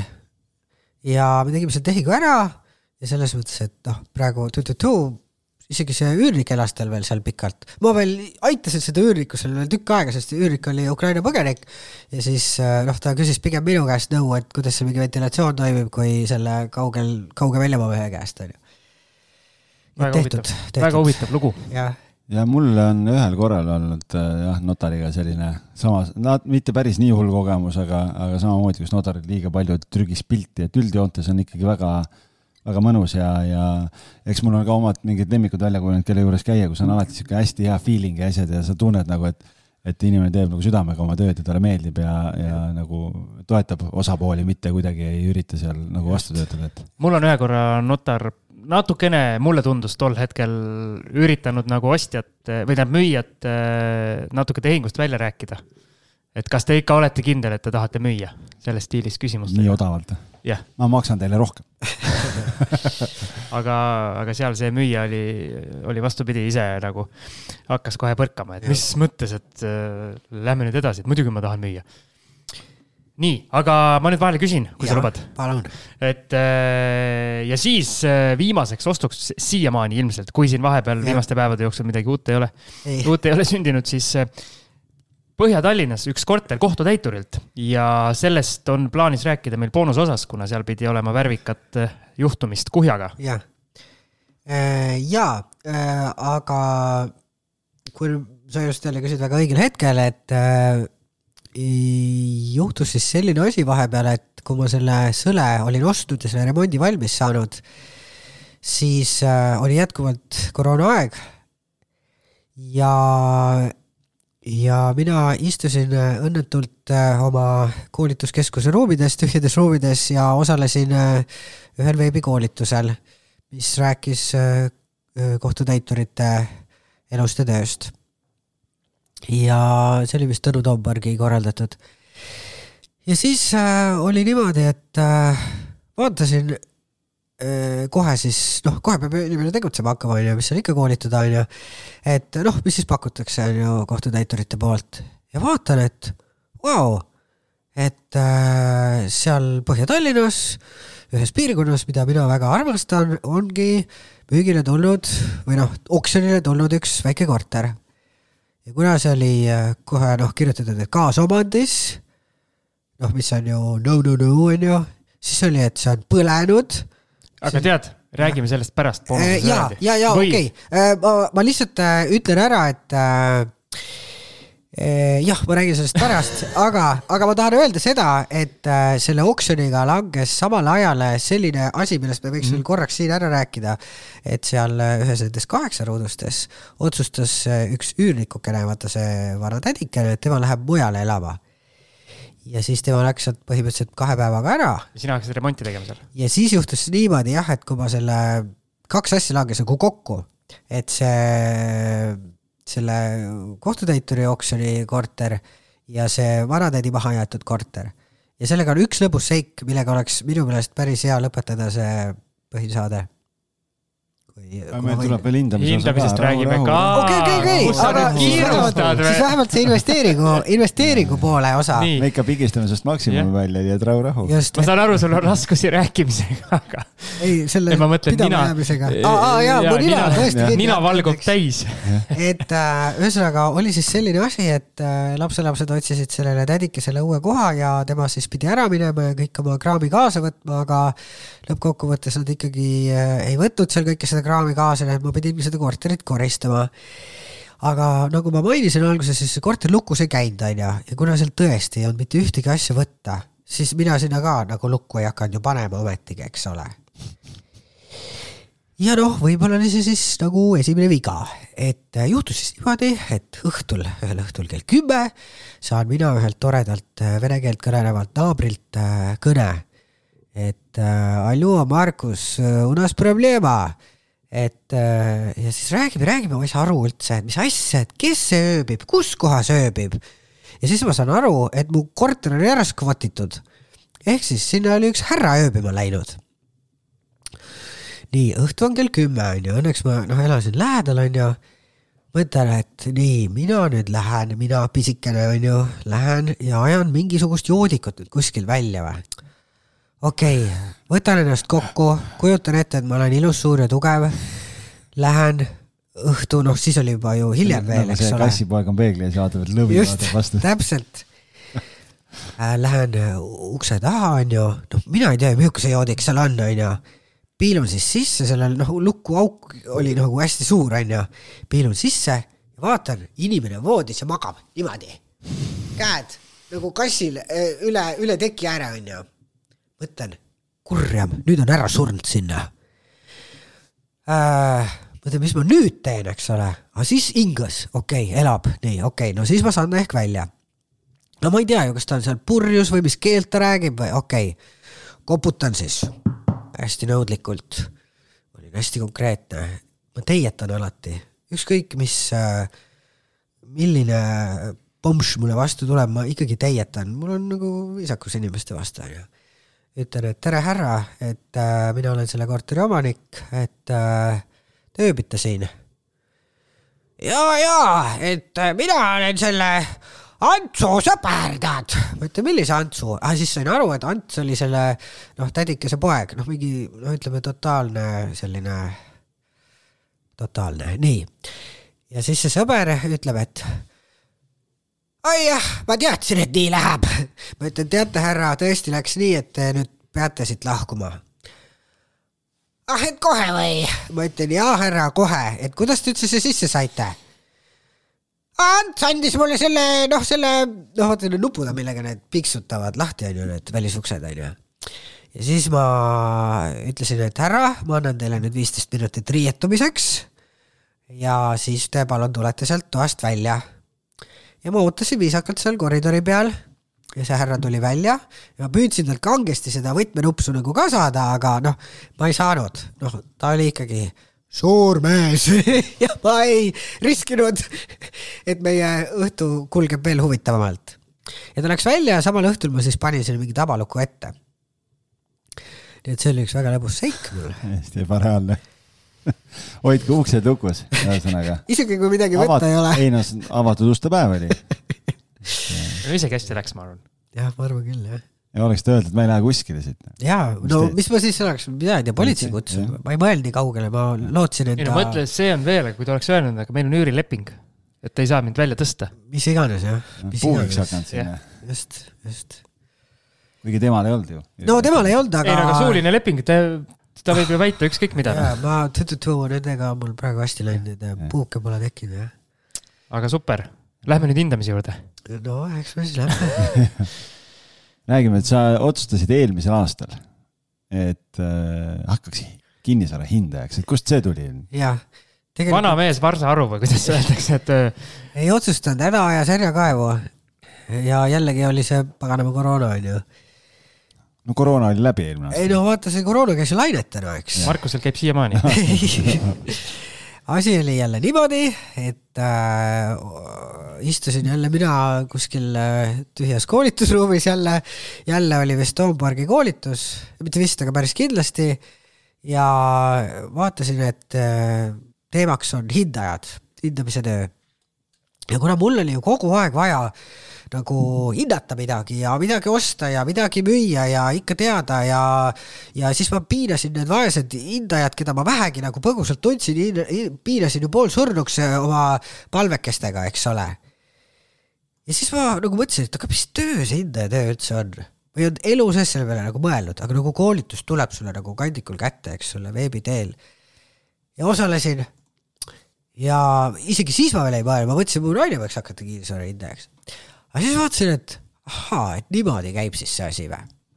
et seda tegi üks väga vahva härra, kes on seal kinnisvara hindajate ühingus kõva tegija ja väga vana kala ja ja, ja ta suutis sellest jätta nagu sellise tõesti mõnusa mulje ja siis äh,, aga ega mul ei olnud mingit plaani ju hakata selleks Ilsori hindajaks.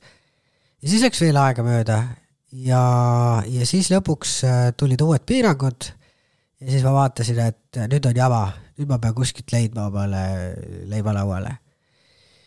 ja, ja siis äh, äh, jällegi Peetri kogukonnas on üks tore maakler, kellel on tore elukaaslane, kes juhuslikult on hindaja ja kuidagi läks jutuks, kuna ma ju noh. kas see pere on meil ka saates käinud? jah, tervitasin eile siinkohal. jaa, väga tore pere, äkki tulevad varsti uuesti? Just. saatesse või? miks mitte? jaa, meil on eelkokkulepe olemas tegelikult, sest nad ju tegelevad ühe korteriga praegu ja, ja siis kokkulepe, et kui no, see saab valmis, siis nad tulevad, jagavad kogemust. no vot ja, ja siis äh, selgus, et seal äh, firmas isegi võidakse otsida praegu nagu hindajaid ja, ja mina siis mõtlesin, noh, et okei okay,, et noh, kuidas iganes siis see asi käib ja kandideerisin esi, esimest korda siis kahekümne aastase pausi järel tööle. tegin oma CV. hirmutas ka või? no ma ei olnud oma CV-d ikkagi puutunud kakskümmend aastat. ja kui ma selle siis ette võtsin, siis tuli täitsa tühjaks teha ja, ja täita siis kinnisvaraalase temaatikaga ja järgmine päev kutsuti kohale ja samal päeval, kui kohale kutsuti, läksime juba Maardusse kinnisvara hindama proovida. kohe töövarjuks kaasa, jah? Äh, no sisuliselt, et see oli kohe sihuke nagu, nagu kassipoeg vette, et noh, nagu, et hakkasime kohe nagu tegema, tegi siukest musta tööd. ja, ja noh, muidugi väga keeruline minu jaoks, mina mõtlesin, mina lähen, teen, milles küsimus, arvutioskus Äh, mingid andmebaasid, milles probleem, tulen, kõva vend, kinnisvarast tean nii mõndagi, remontinud, see on mul veres, on ju oi,, oi-oi-oi. ja siis selgus, et oi, ei olegi nagu kõik niimoodi. päris keeruline töö on ikka. ja, ja siis äh, noh, ütleme juunist siis äh, hakkasin seal toimetama ja, ja siis septembrist hakkasid need hindajate kursused Äh, mida saab siis teha Eestis kinnisvarahindajate ühing, siis käisid need kursused läbi, siis teatati äh, eksami aeg ja siis läks nagu väga põnevaks. eksam on siis niisugune kahes osas, kirjalik ja suuline osa. ja need olid väga keerulised eksamid ja ma pole ka kakskümmend aastat midagi niimoodi õppinud reaalselt. ja neljakümne viie aastaselt midagi nagu uut ikkagi hakata õppima, noh, on paras pähkel. aga mis need nüüd, kui sa oled hindajana tegutsenud ka, mis need peamised väärarusaamad siis on äh, inimeste seas levimas äh,? hindamise kohta. hindamise kohta, just, jah no nii nagu ma isegi, noh, kui sa ei tea, mida hinnatakse, siis sa ei tea ju, mida nagu valmis sättida, on ju. ehk siis, äh, kui ma oleks juba oma investori tee alguses teadnud, et, äh, et kohtkindlat mööblit vaadatakse ja mingit rõdu ja. sa ei oleks seda kallist diivanit üldse sisse ostnudki no täpselt, täpselt onju. et, äh, et ma kordan siin kõigile üle, et see, mida me vaatame, on väga-väga lihtne. kohtkindel mööbel ehk siis on see köögimööbel, on see sul sisse ehitatud garderoob onju seda me vaatame. aga mul on ju riidekapp on ka kruviga seina lastud. no ei, no, see ei ole päris kuule, see. aga mul on kullast vetsupott, Siimul on mingi tavaline Gustavsberg mitte midagi see ei loe, et äh, siis. Äh, pettumus äh,. täielik on ju, siis äh, noh, ütleme rõdu, lotsa, siuksed asjad annavad plussi.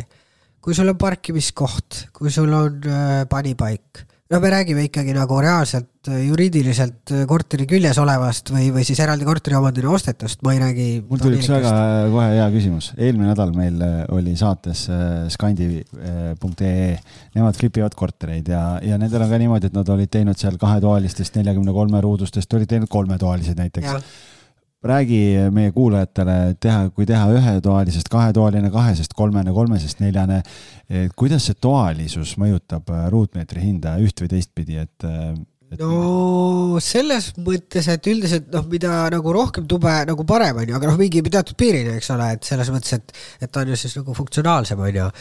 aga, aga mis ma tahaks südamele panna nende tubade ümbertegemisega, on seadustamise pool, sest et äh, noh kui ma käisin ju, ma ei kujuta ette, paljudes korterites ma olen käinud, siis äh, kui me näeme, et on ümber tehtud, eriti paneelikates äh,, siis me kohe nagu ütleme, et kuulge, et aga kuidas on paberimajandusega ja siis ma vaatan äh, ehitusregistrist, et paberimajandus on loomulikult unustatud ja see tähendab kohe seda, et esiteks mina hindajana võtan juba mingid protsendid sealt alla, on ju.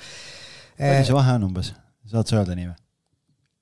No see sõltub korterist, aga mingi kolm protsenti, viis protsenti, see, see ikkagi sõltub ka sellest summast, on ju, kas see korter maksis sul sada tuhat või kolmsada tuhat, on ju.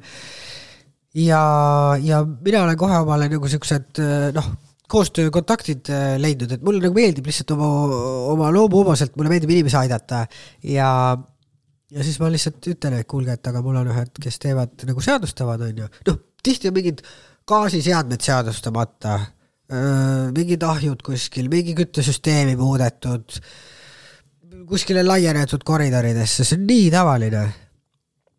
noh, vaata, inimesed ostavad kodu endale, siis nad teevad mingi, ongi, ah, võtaks siit selle pool seina maha näiteks või, või, või võtaks ja. seina vahelt ära, et nad ei mõtle selle peale, et ah, peaks kuskil registris tegema, et noh, see tegelikult ei, ei kerki päevakorda, see vajadus siis, kui sa hakkadki müüma. aga mõistlik oleks kohe ära teha, sest siis on võib-olla projektid, asjad, noh, mingi info kohe olemas, et kes see kahekümne aasta pärast mäletab enam mul on üks küsimus, kas, äh, tähendab, hästi tihti kuuleb, äh, kuuleb turu pealt äh, sellist arvamust hindamise tööst, et et müüja siis nüüd räägib, et jaa, ma kutsun hindaja, ütlen talle selle numbri, mida ma tahan saada ja siis, kui ta ütleb, et ei, mul ei tule see täis, siis ma võtan mõne teise hindaja, kes ütleb, et jah, sa saad sellise numbri ja siis ma, siis ma tellin tema. mis sa selle peale kommenteerid no,? ütleme nii, et äh, jah, eks ikka tehakse seda, aga tähendab äh, põhimõtteliselt ma julgustan inimesi ütlema, et mis number teil nagu mõttes mõlgub. võib-olla tal on ostjaga kokku lepitud, eks ole. Äh, või üldse ma julgustan ütlema, et mis põhjusel hindamine tellitakse. Äh, sellepärast, et äh, noh, kui on näiteks üldse mingi vara jagamine kuskil kohtus, siis on absoluutselt teised teemad, siis on üldse kohtuekspert noh, tähendab seda kohtu poolt äh, aktsepteeritud äh, hindajat vaja, noh, mis seal firmas on ka, kus ma töötan. ja aga, aga jah, tagasi küsimuse juurde, et, et mina julgustan ütlema küll, sest et äh, kui hindaja kuuleb, et see on mingi ulmesumma, siis hindaja võib ju kohe öelda, et kulla mees, et see ei tule küll välja nagu, et milleks siis nagu tekitada mõlemale poole frustratsiooni et muidugi me oleme saanud tagasisidet, et oo, et ma nagu arvasin, et see on mul nagu nii kallis, sest et naabrimüüs võis täpselt samasuguse korteri, aga tegelikult ei olnud, täpselt niimoodi on, et äh, tegelikult su naabrimees elab võib-olla korruseks on allpool, aga sul on viiendal korrusel korter, mis tähendab kohe, kohe automaatselt äh, allapoole hindamist, on ju, esimene ja viies korrus lähevad tavaliselt äh, allapoole. minu lemmik on esimene. ei, päriselt, ilma naljata see on lihtsam äh, ehitusmaterjal. kõike lihtsam teha, noh. no ma ise elan ka esimesel ja ma olen väga aga, aga maja seisukorrast räägime, et kui ja. mina ja Siim nüüd äh, mõlemad tahame osta endale korterit, kõrvuti majad on ju, Siimul ja. on äh, Siimu maja on tegemata ja see maja. miks kus... minu maja tegemata? sellepärast, et lihtsalt on, et sa teed nagu, et mul lihtsalt on paremad otsused. ja siis see maja, kuhu mina tahan osta on, äh, ma tean. russakaid täis on see maja. ei, ei vastupidi, et kohe hakatakse fassaadi tegema ja katust ja, ja kõiki asju renoveeritakse ära. ehk et okei okay,, kui ma ostan sinna majja korteri, tõenäoliselt seal tuleb see laenumaksed ja asjad tulevad kommunaalidele juurde, ta läheb selle võrra nagu kommunaalid lähevad kõrgemaks. kas sul küsimus ka on või? ma just ootangi, et. jaa, et, et noh, kui ma ostan selle perspektiiviga, et kui maja ära renoveeritakse, siis maja, korteri väärtus tõuseb. ja, ja. et mis need summad on, on see viis protsenti, kümme protsenti? no tähendab, kõigepealt ma täpsustan, et äh, kui sa tahad hindamist sellel hetkel, kui sul on lootus, et midagi tehakse, see, see ei, loe. kui sa ostad perspektiiviga, et ma tean, et. jah, siis kui sa pärast tellid. jah, jah, siis kui sa pärast tellid selle aasta pärast ja, ja hinnad tõusidki, noh, siis on ju hästi, siis tõusid, onju, aga. no küss ongi selles, et kui ma täna ostan ta renoveerimata majja. Siim ostab renoveerimata majja, kus ja. ei ole plaanis teha fassaaditöid ja asju, mina okay. ostan samasugune maja seal kõrval, aga ma tean, et ühistul on juba projekt on laual ja kohe hakatakse tegema. seda me ei hinda. ei küsimus ongi selle perspektiiviga, et kui ma ostan selle mõttega, et ma täna ostan ära, jah, täna ta on selle hinnaga, no ma ei tea, sada tuhat. kui nüüd maja aasta jooksul tehakse ära, renoveeritakse maja ära, katus tehakse ära, fassaad, kõik tehakse ära, aasta pärast on maja tehtud, Siimu ja. maja on ikka see õnnetu koletis seal kõrval. kui palju selle maja või selle majas olevate korterite väärtus kasvab, kui maja on renoveeritud? renoveeritud, no selles mõttes, et kui, kui, kui nagu midagi muud ei ole juhtunud ja lihtsalt äh, noh, ütleme turg ei ole kuskile kõikunud. kõik muud, kõik muu jääb samaks, ütleme. No maja seisukord võib ka ju kõikuda, noh, ma ei tea, viis protsenti, kümme protsenti, igale poole võib kõikuda, et et selles mõttes, kui see, kui su küsimuse taga oli nüüd lihtsalt see, et et kui on halvas seisukorras maja ja paremas, siis, siis noh, see sõltub, me, me hindame nagu, et kas on remonti vaja maja või, või on normaalne seisukord või? hea või, või hea, väga hea või väga hea või noh, meil on seal niisugused kaldkriipsud ja niisugused pooltoonid on ka, onju.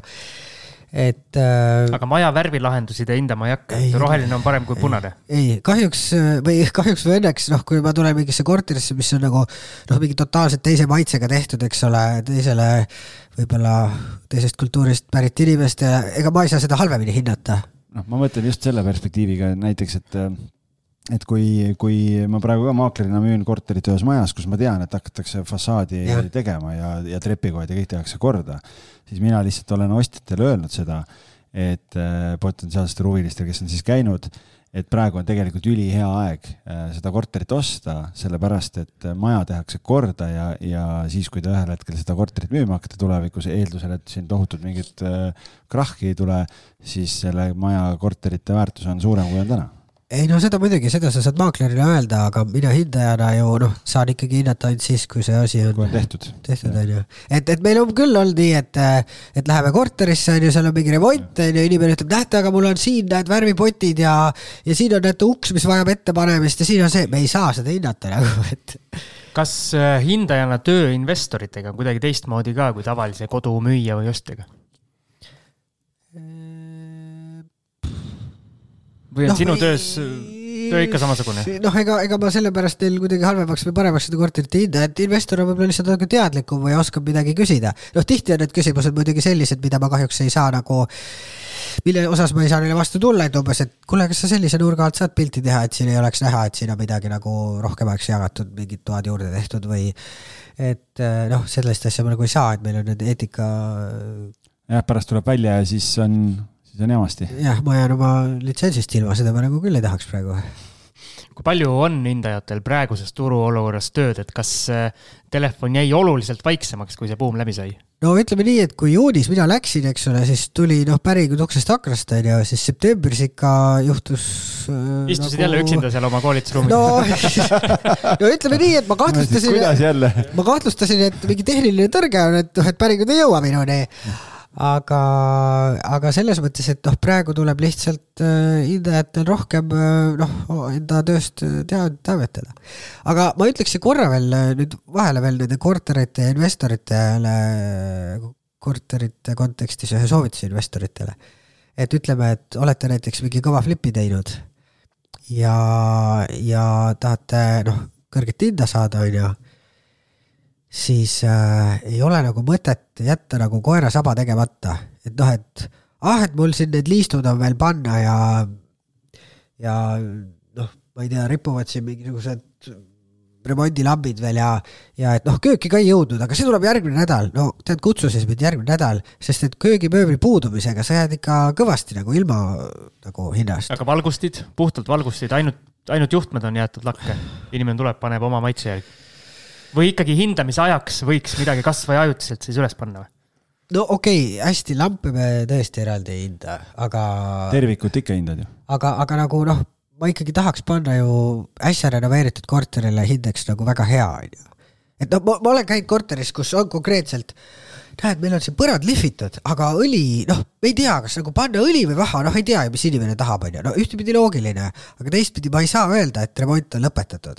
pluss veel mingisugune uks oli näiteks äh, noh, mingid äh, laste kleepekaid täis, eks ole, mingi kolmkümmend aastat vanu, onju, et no mismoodi ma siis nüüd ütlen, et see on väga hea, onju, noh. nipet-näpet ikka jäi teha, ma pidin ikkagi hakkama seal nuputama, et palju siis maha võtta, onju mida sa soovitaksid neile, kes tahaksid ka hindamisega tegelema hakata, et kas on mõtet selles suunas mõelda või sina pigem ütled, et hoidke oma näpud sellest nüüd eemale, et ma ütleks, et kellel on see huvi, siis oodake natukene, vaatame, mis siin saama hakkab. las Markus töötab sisse ennast, siis, siis võib tulla et. kurat, ei tule tähendab, noh, mina ei ole mingi ütleja, iga inimene otsustab ise, onju, aga praegu nagu tundub, et et äh, ei ole kõige parem hetk.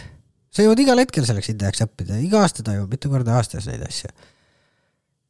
Mis sinu nii-öelda tulevikuplaan ette näeb, et äh, üüriportfelli kasvatamine või, või hetkel keskendud hindamisele või mõlemad paralleelselt? tead, äh, kuna see hindamine on ju niimoodi, see töö koosneb sellest, lähed sinna objekti peale, teed pildid ära ja siis tuled arvuti taha klõbistama et äh, see on küll tore töö, aga see võiks nagu sihukest mingit vaheldust nagu noh, nagu vajab natuke vaheldust. mulle õudsed käed sügelevad, mul tõesti, ma tahan häbi tunnistada, aga mul on kõik tööriistad valmis laotud voodi alla, mul on segutrell voodi all, mul on suur äh, remonditolmuime ja kõik pintslid ootavad rivis, värviprits on ostetud ainult, et ma ei tea veel, mis objekt mul tuleb. aga ütled, et pane raam, pane ra raamat padja alla ja saab loetud, et sul on tööriistad voodi all. aga äkki ma ostan objekti, sa tuled mulle remonti tegema sinna, flippima vot ma ei ole kunagi nagu teistele remonti teinud, aga endale küll. Aga ma vaatan korra veel, kas mul on investoritele soovitusi äkki veel. no soovita muidugi, mida rohkem soovitusi meilt tuleb, seda parem. ja ühesõnaga, et äh, tagasi selle köögimööbli juurde, et, et kui äh, noh, ei pea panema ju mingit imekallist äh, köögimööblit sinna, ostke see IKEA mööbel, ostke mingi lihtsam äh,. ikkagi saate oma punktid kätte, sest et me ei hakka nagu nii detailselt vaatama, et kas see mööbel on tuhat või kümme tuhat eurot, on ju. Et, äh, et noh, ei ole mõtet nagu üle pingutada, eriti flipi korteriga, pange sinna midagi sisse. Noh, kui seal on ja muidugi ei tasu jätta seda vana mingit nõukaaegset äh, mööblit, siis me paneme, et väheväärtuslik köögimööbel on ju. Äh, siis ma soovitan äh, äh,, ärge lõhkuge ahjusid välja. see soovitus tuleb nüüd mul kui niisugusest äh, mõttelaadist, et sihuke back to basic, et äh, lihtsalt noh, vaadates, mis maailmas sünnib, on ju, ei tea kunagi, kuhu kaob elekter või kui kallilt seda kätte saab. lihtsalt jätke see ahju võimalus, ärge, ärge likvideerige neid lõõre ja asju ära et see on lihtsalt selline soovitus ja noh, ütleme hindaja võib ka nagu kõrgemalt hinnata, kui sul on alternatiiv, sul on ahjuküte ja elektriküte versus kui sul on ainult radikad jäetud alles. Äh, ja siis äh, oleks vahva variant, kui näiteks on väga kiiresti vaja hindamist, siis ma soovitan, et äh, muretsege omal need korteriplaanid juba aegsasti nagu ise valmis, sest et äh, kui hindaja hakkab neid võtma, ta võtab need registritest, seal läheb aega, siis näiteks äh, kui ma tellin uusarenduse kohta, noh, ma käisin siin, me oleme Veerenis, eks ole, ma käisin siin just kolme korterit hindamas siin läheduses. Äh, ma tellin need plaanid, siis need tulevad mingite päevade pärast, siis, siis siin on näiteks niimoodi, et need korterid või need majad on ju kõik umbes ühe numbriga, siis selleks, et üldse aru saada, mis majaplaan sulle saadeti, sulle saadetakse terve, terve peaaegu kvartali plaan. üheksa. ja veel abc ja, ja siis no see on ma ei kujuta ette, kui laps läheb kooli, õpetaja küsib, et mis aadressil sa elad, Juku? ma elan Veereni kaks B murd Pille seitse A murd äh, Tiiu ja, ja nii edasi. on osad on jah, nagu see kinnistu peal on äh, kõik need erinevad aadressid on siuke pikk rodu. jah, üheksa maja umbes ja et see on päris keerukas. ühesõnaga plaanid valmis. ja siis äh, kui on nagu vaja noh, investoril mingisugust kiiret otsust teha siis äh, noh, võib ikka alati ühendust võtta. isegi kui mitte investoril, mul noh, eile võttis tuttav ühendust, äh, ostab korterit, ostab kodu. Äh, pandi eile fakti ette, et tehke oma pakkumine, meil on siin teisigi, on ju. Ütleb mulle, no mis sa arvad, mis hind võiks olla, on ju, no siis me õhtul kell üheksa nuputasime, noh, täna hommikul tegid siis pakkumise, eks, ole siis näha, kuidas neil läheb, on ju. aga ühesõnaga, ma tahan nagu öelda, et äh, ma ise tean, kui palju tähendab, kui sul on usaldusväärne hindaja, kes sulle saab noh, nagu lubatud mahus äh, infot anda. super. väga hea. ma olen, hindamisest me oleme ju, ju varem ka rääkinud, et kes tahab otsib üles saated. Äh, Anu Alatsee käis meil kunagi üsna alguses. Mihkel Heliste on käinud meil korra ja nüüd siis. Anni. Teil on Anni minu meelest vähemalt kolm korda käidud, sest ma olen kõiki neid kuulanud vähemalt mitu korda. kaks korda käinud ja nüüd sina, nii et hindamisest leiab, leiab äh,. nii et. see on alati selline põnev teema, mis ja kus on seda umbmäärasust üsna palju, sest see ei ole emotsionaalne, vaid seal on kõik baseerub numbritel ja võrdlustehingutel, nii et selles mõttes on nagu noh, neid küsimusi võikski kaevama jääda siin, et kas, kas kaks akent on parem kui kolm, on ju, et stiilis, noh, et see, need on kõik sellised nagu pisidetailid, et. aga me oleme põhiosaga ka nii-öelda rekord nii-öelda rekordilistel äh, territooriumitel pikkuse osas, nii et. Äh, vabandust ei, ma arvan, väga hea, nagu ülipõnev oli kuulata. proovime selle boonuse ka veel ära teha meie, meie Patreoni toetajatele. Algis, kus saab kuulata boonusosasid? meie boonusosad on patreon.com, com, con jälle jah, com kaldkriips kinnisvarajutud. ja ma igaks juhuks ütlen kuulajatele, et need boonusosad ei tule täpselt samal nädalal välja nii-öelda põhiosa ja sama külalise boonusosa, vaid need on veidi nihkesed, äh, vähe sellist äh, ootusärevust ka tekitada rohkem. seal ei ole sellist jah, kindlat järjekorda, et Siim, Siim seal. Äh, kuna mina olen kunn seal, siis mina valin, mis, kes ja millal üles läheb. vot. nii et äh, kirjutage algisele, kui mingi probleem on aga aitäh, Markus, et sa said siia tulla. tegelikult meil oleks veel vol kaks ka, sul on ju juttu veel jätkub, onju. kuule, ma vaatan jah, et ma oma pooled, pooled paberid sa veel täitsa puutumata. aga ma soovitan ka omalt poolt kõigile kinnisvarajutte kuulata, sellepärast et äh, seda on eriti hea kuulata kas remonti tehes, noh, midagi värvid või pahteldad äh, või siis autosõitudel, näiteks kui ma hindama lähen kuskile, kohe autoraadiosse ja kuulan jälle. et me võiks nagu tihedamini isegi teha no võib küll, jah. noh, väga iga päev? Üks osa? no siis muu elu jääb elamata vist yeah.. no aga see ongi Suva, elu, see ongi elu. kinnisvara ongi elu. kuule, sellega on hea lõpetada. tšau. tšau. kinnisvaramaaklerite konverents Parim maakler, sinu äri kasv algab siit, neljateistkümnendal ja viieteistkümnendal aprillil Tallinnas. kaks päeva, kuusteist esinejat. tule kohale ja õpi praktikutelt piiratud arv pileteid on müügil www.parimmaakler.ee. kinnisvaramaakler, sinu äri kasv algab siit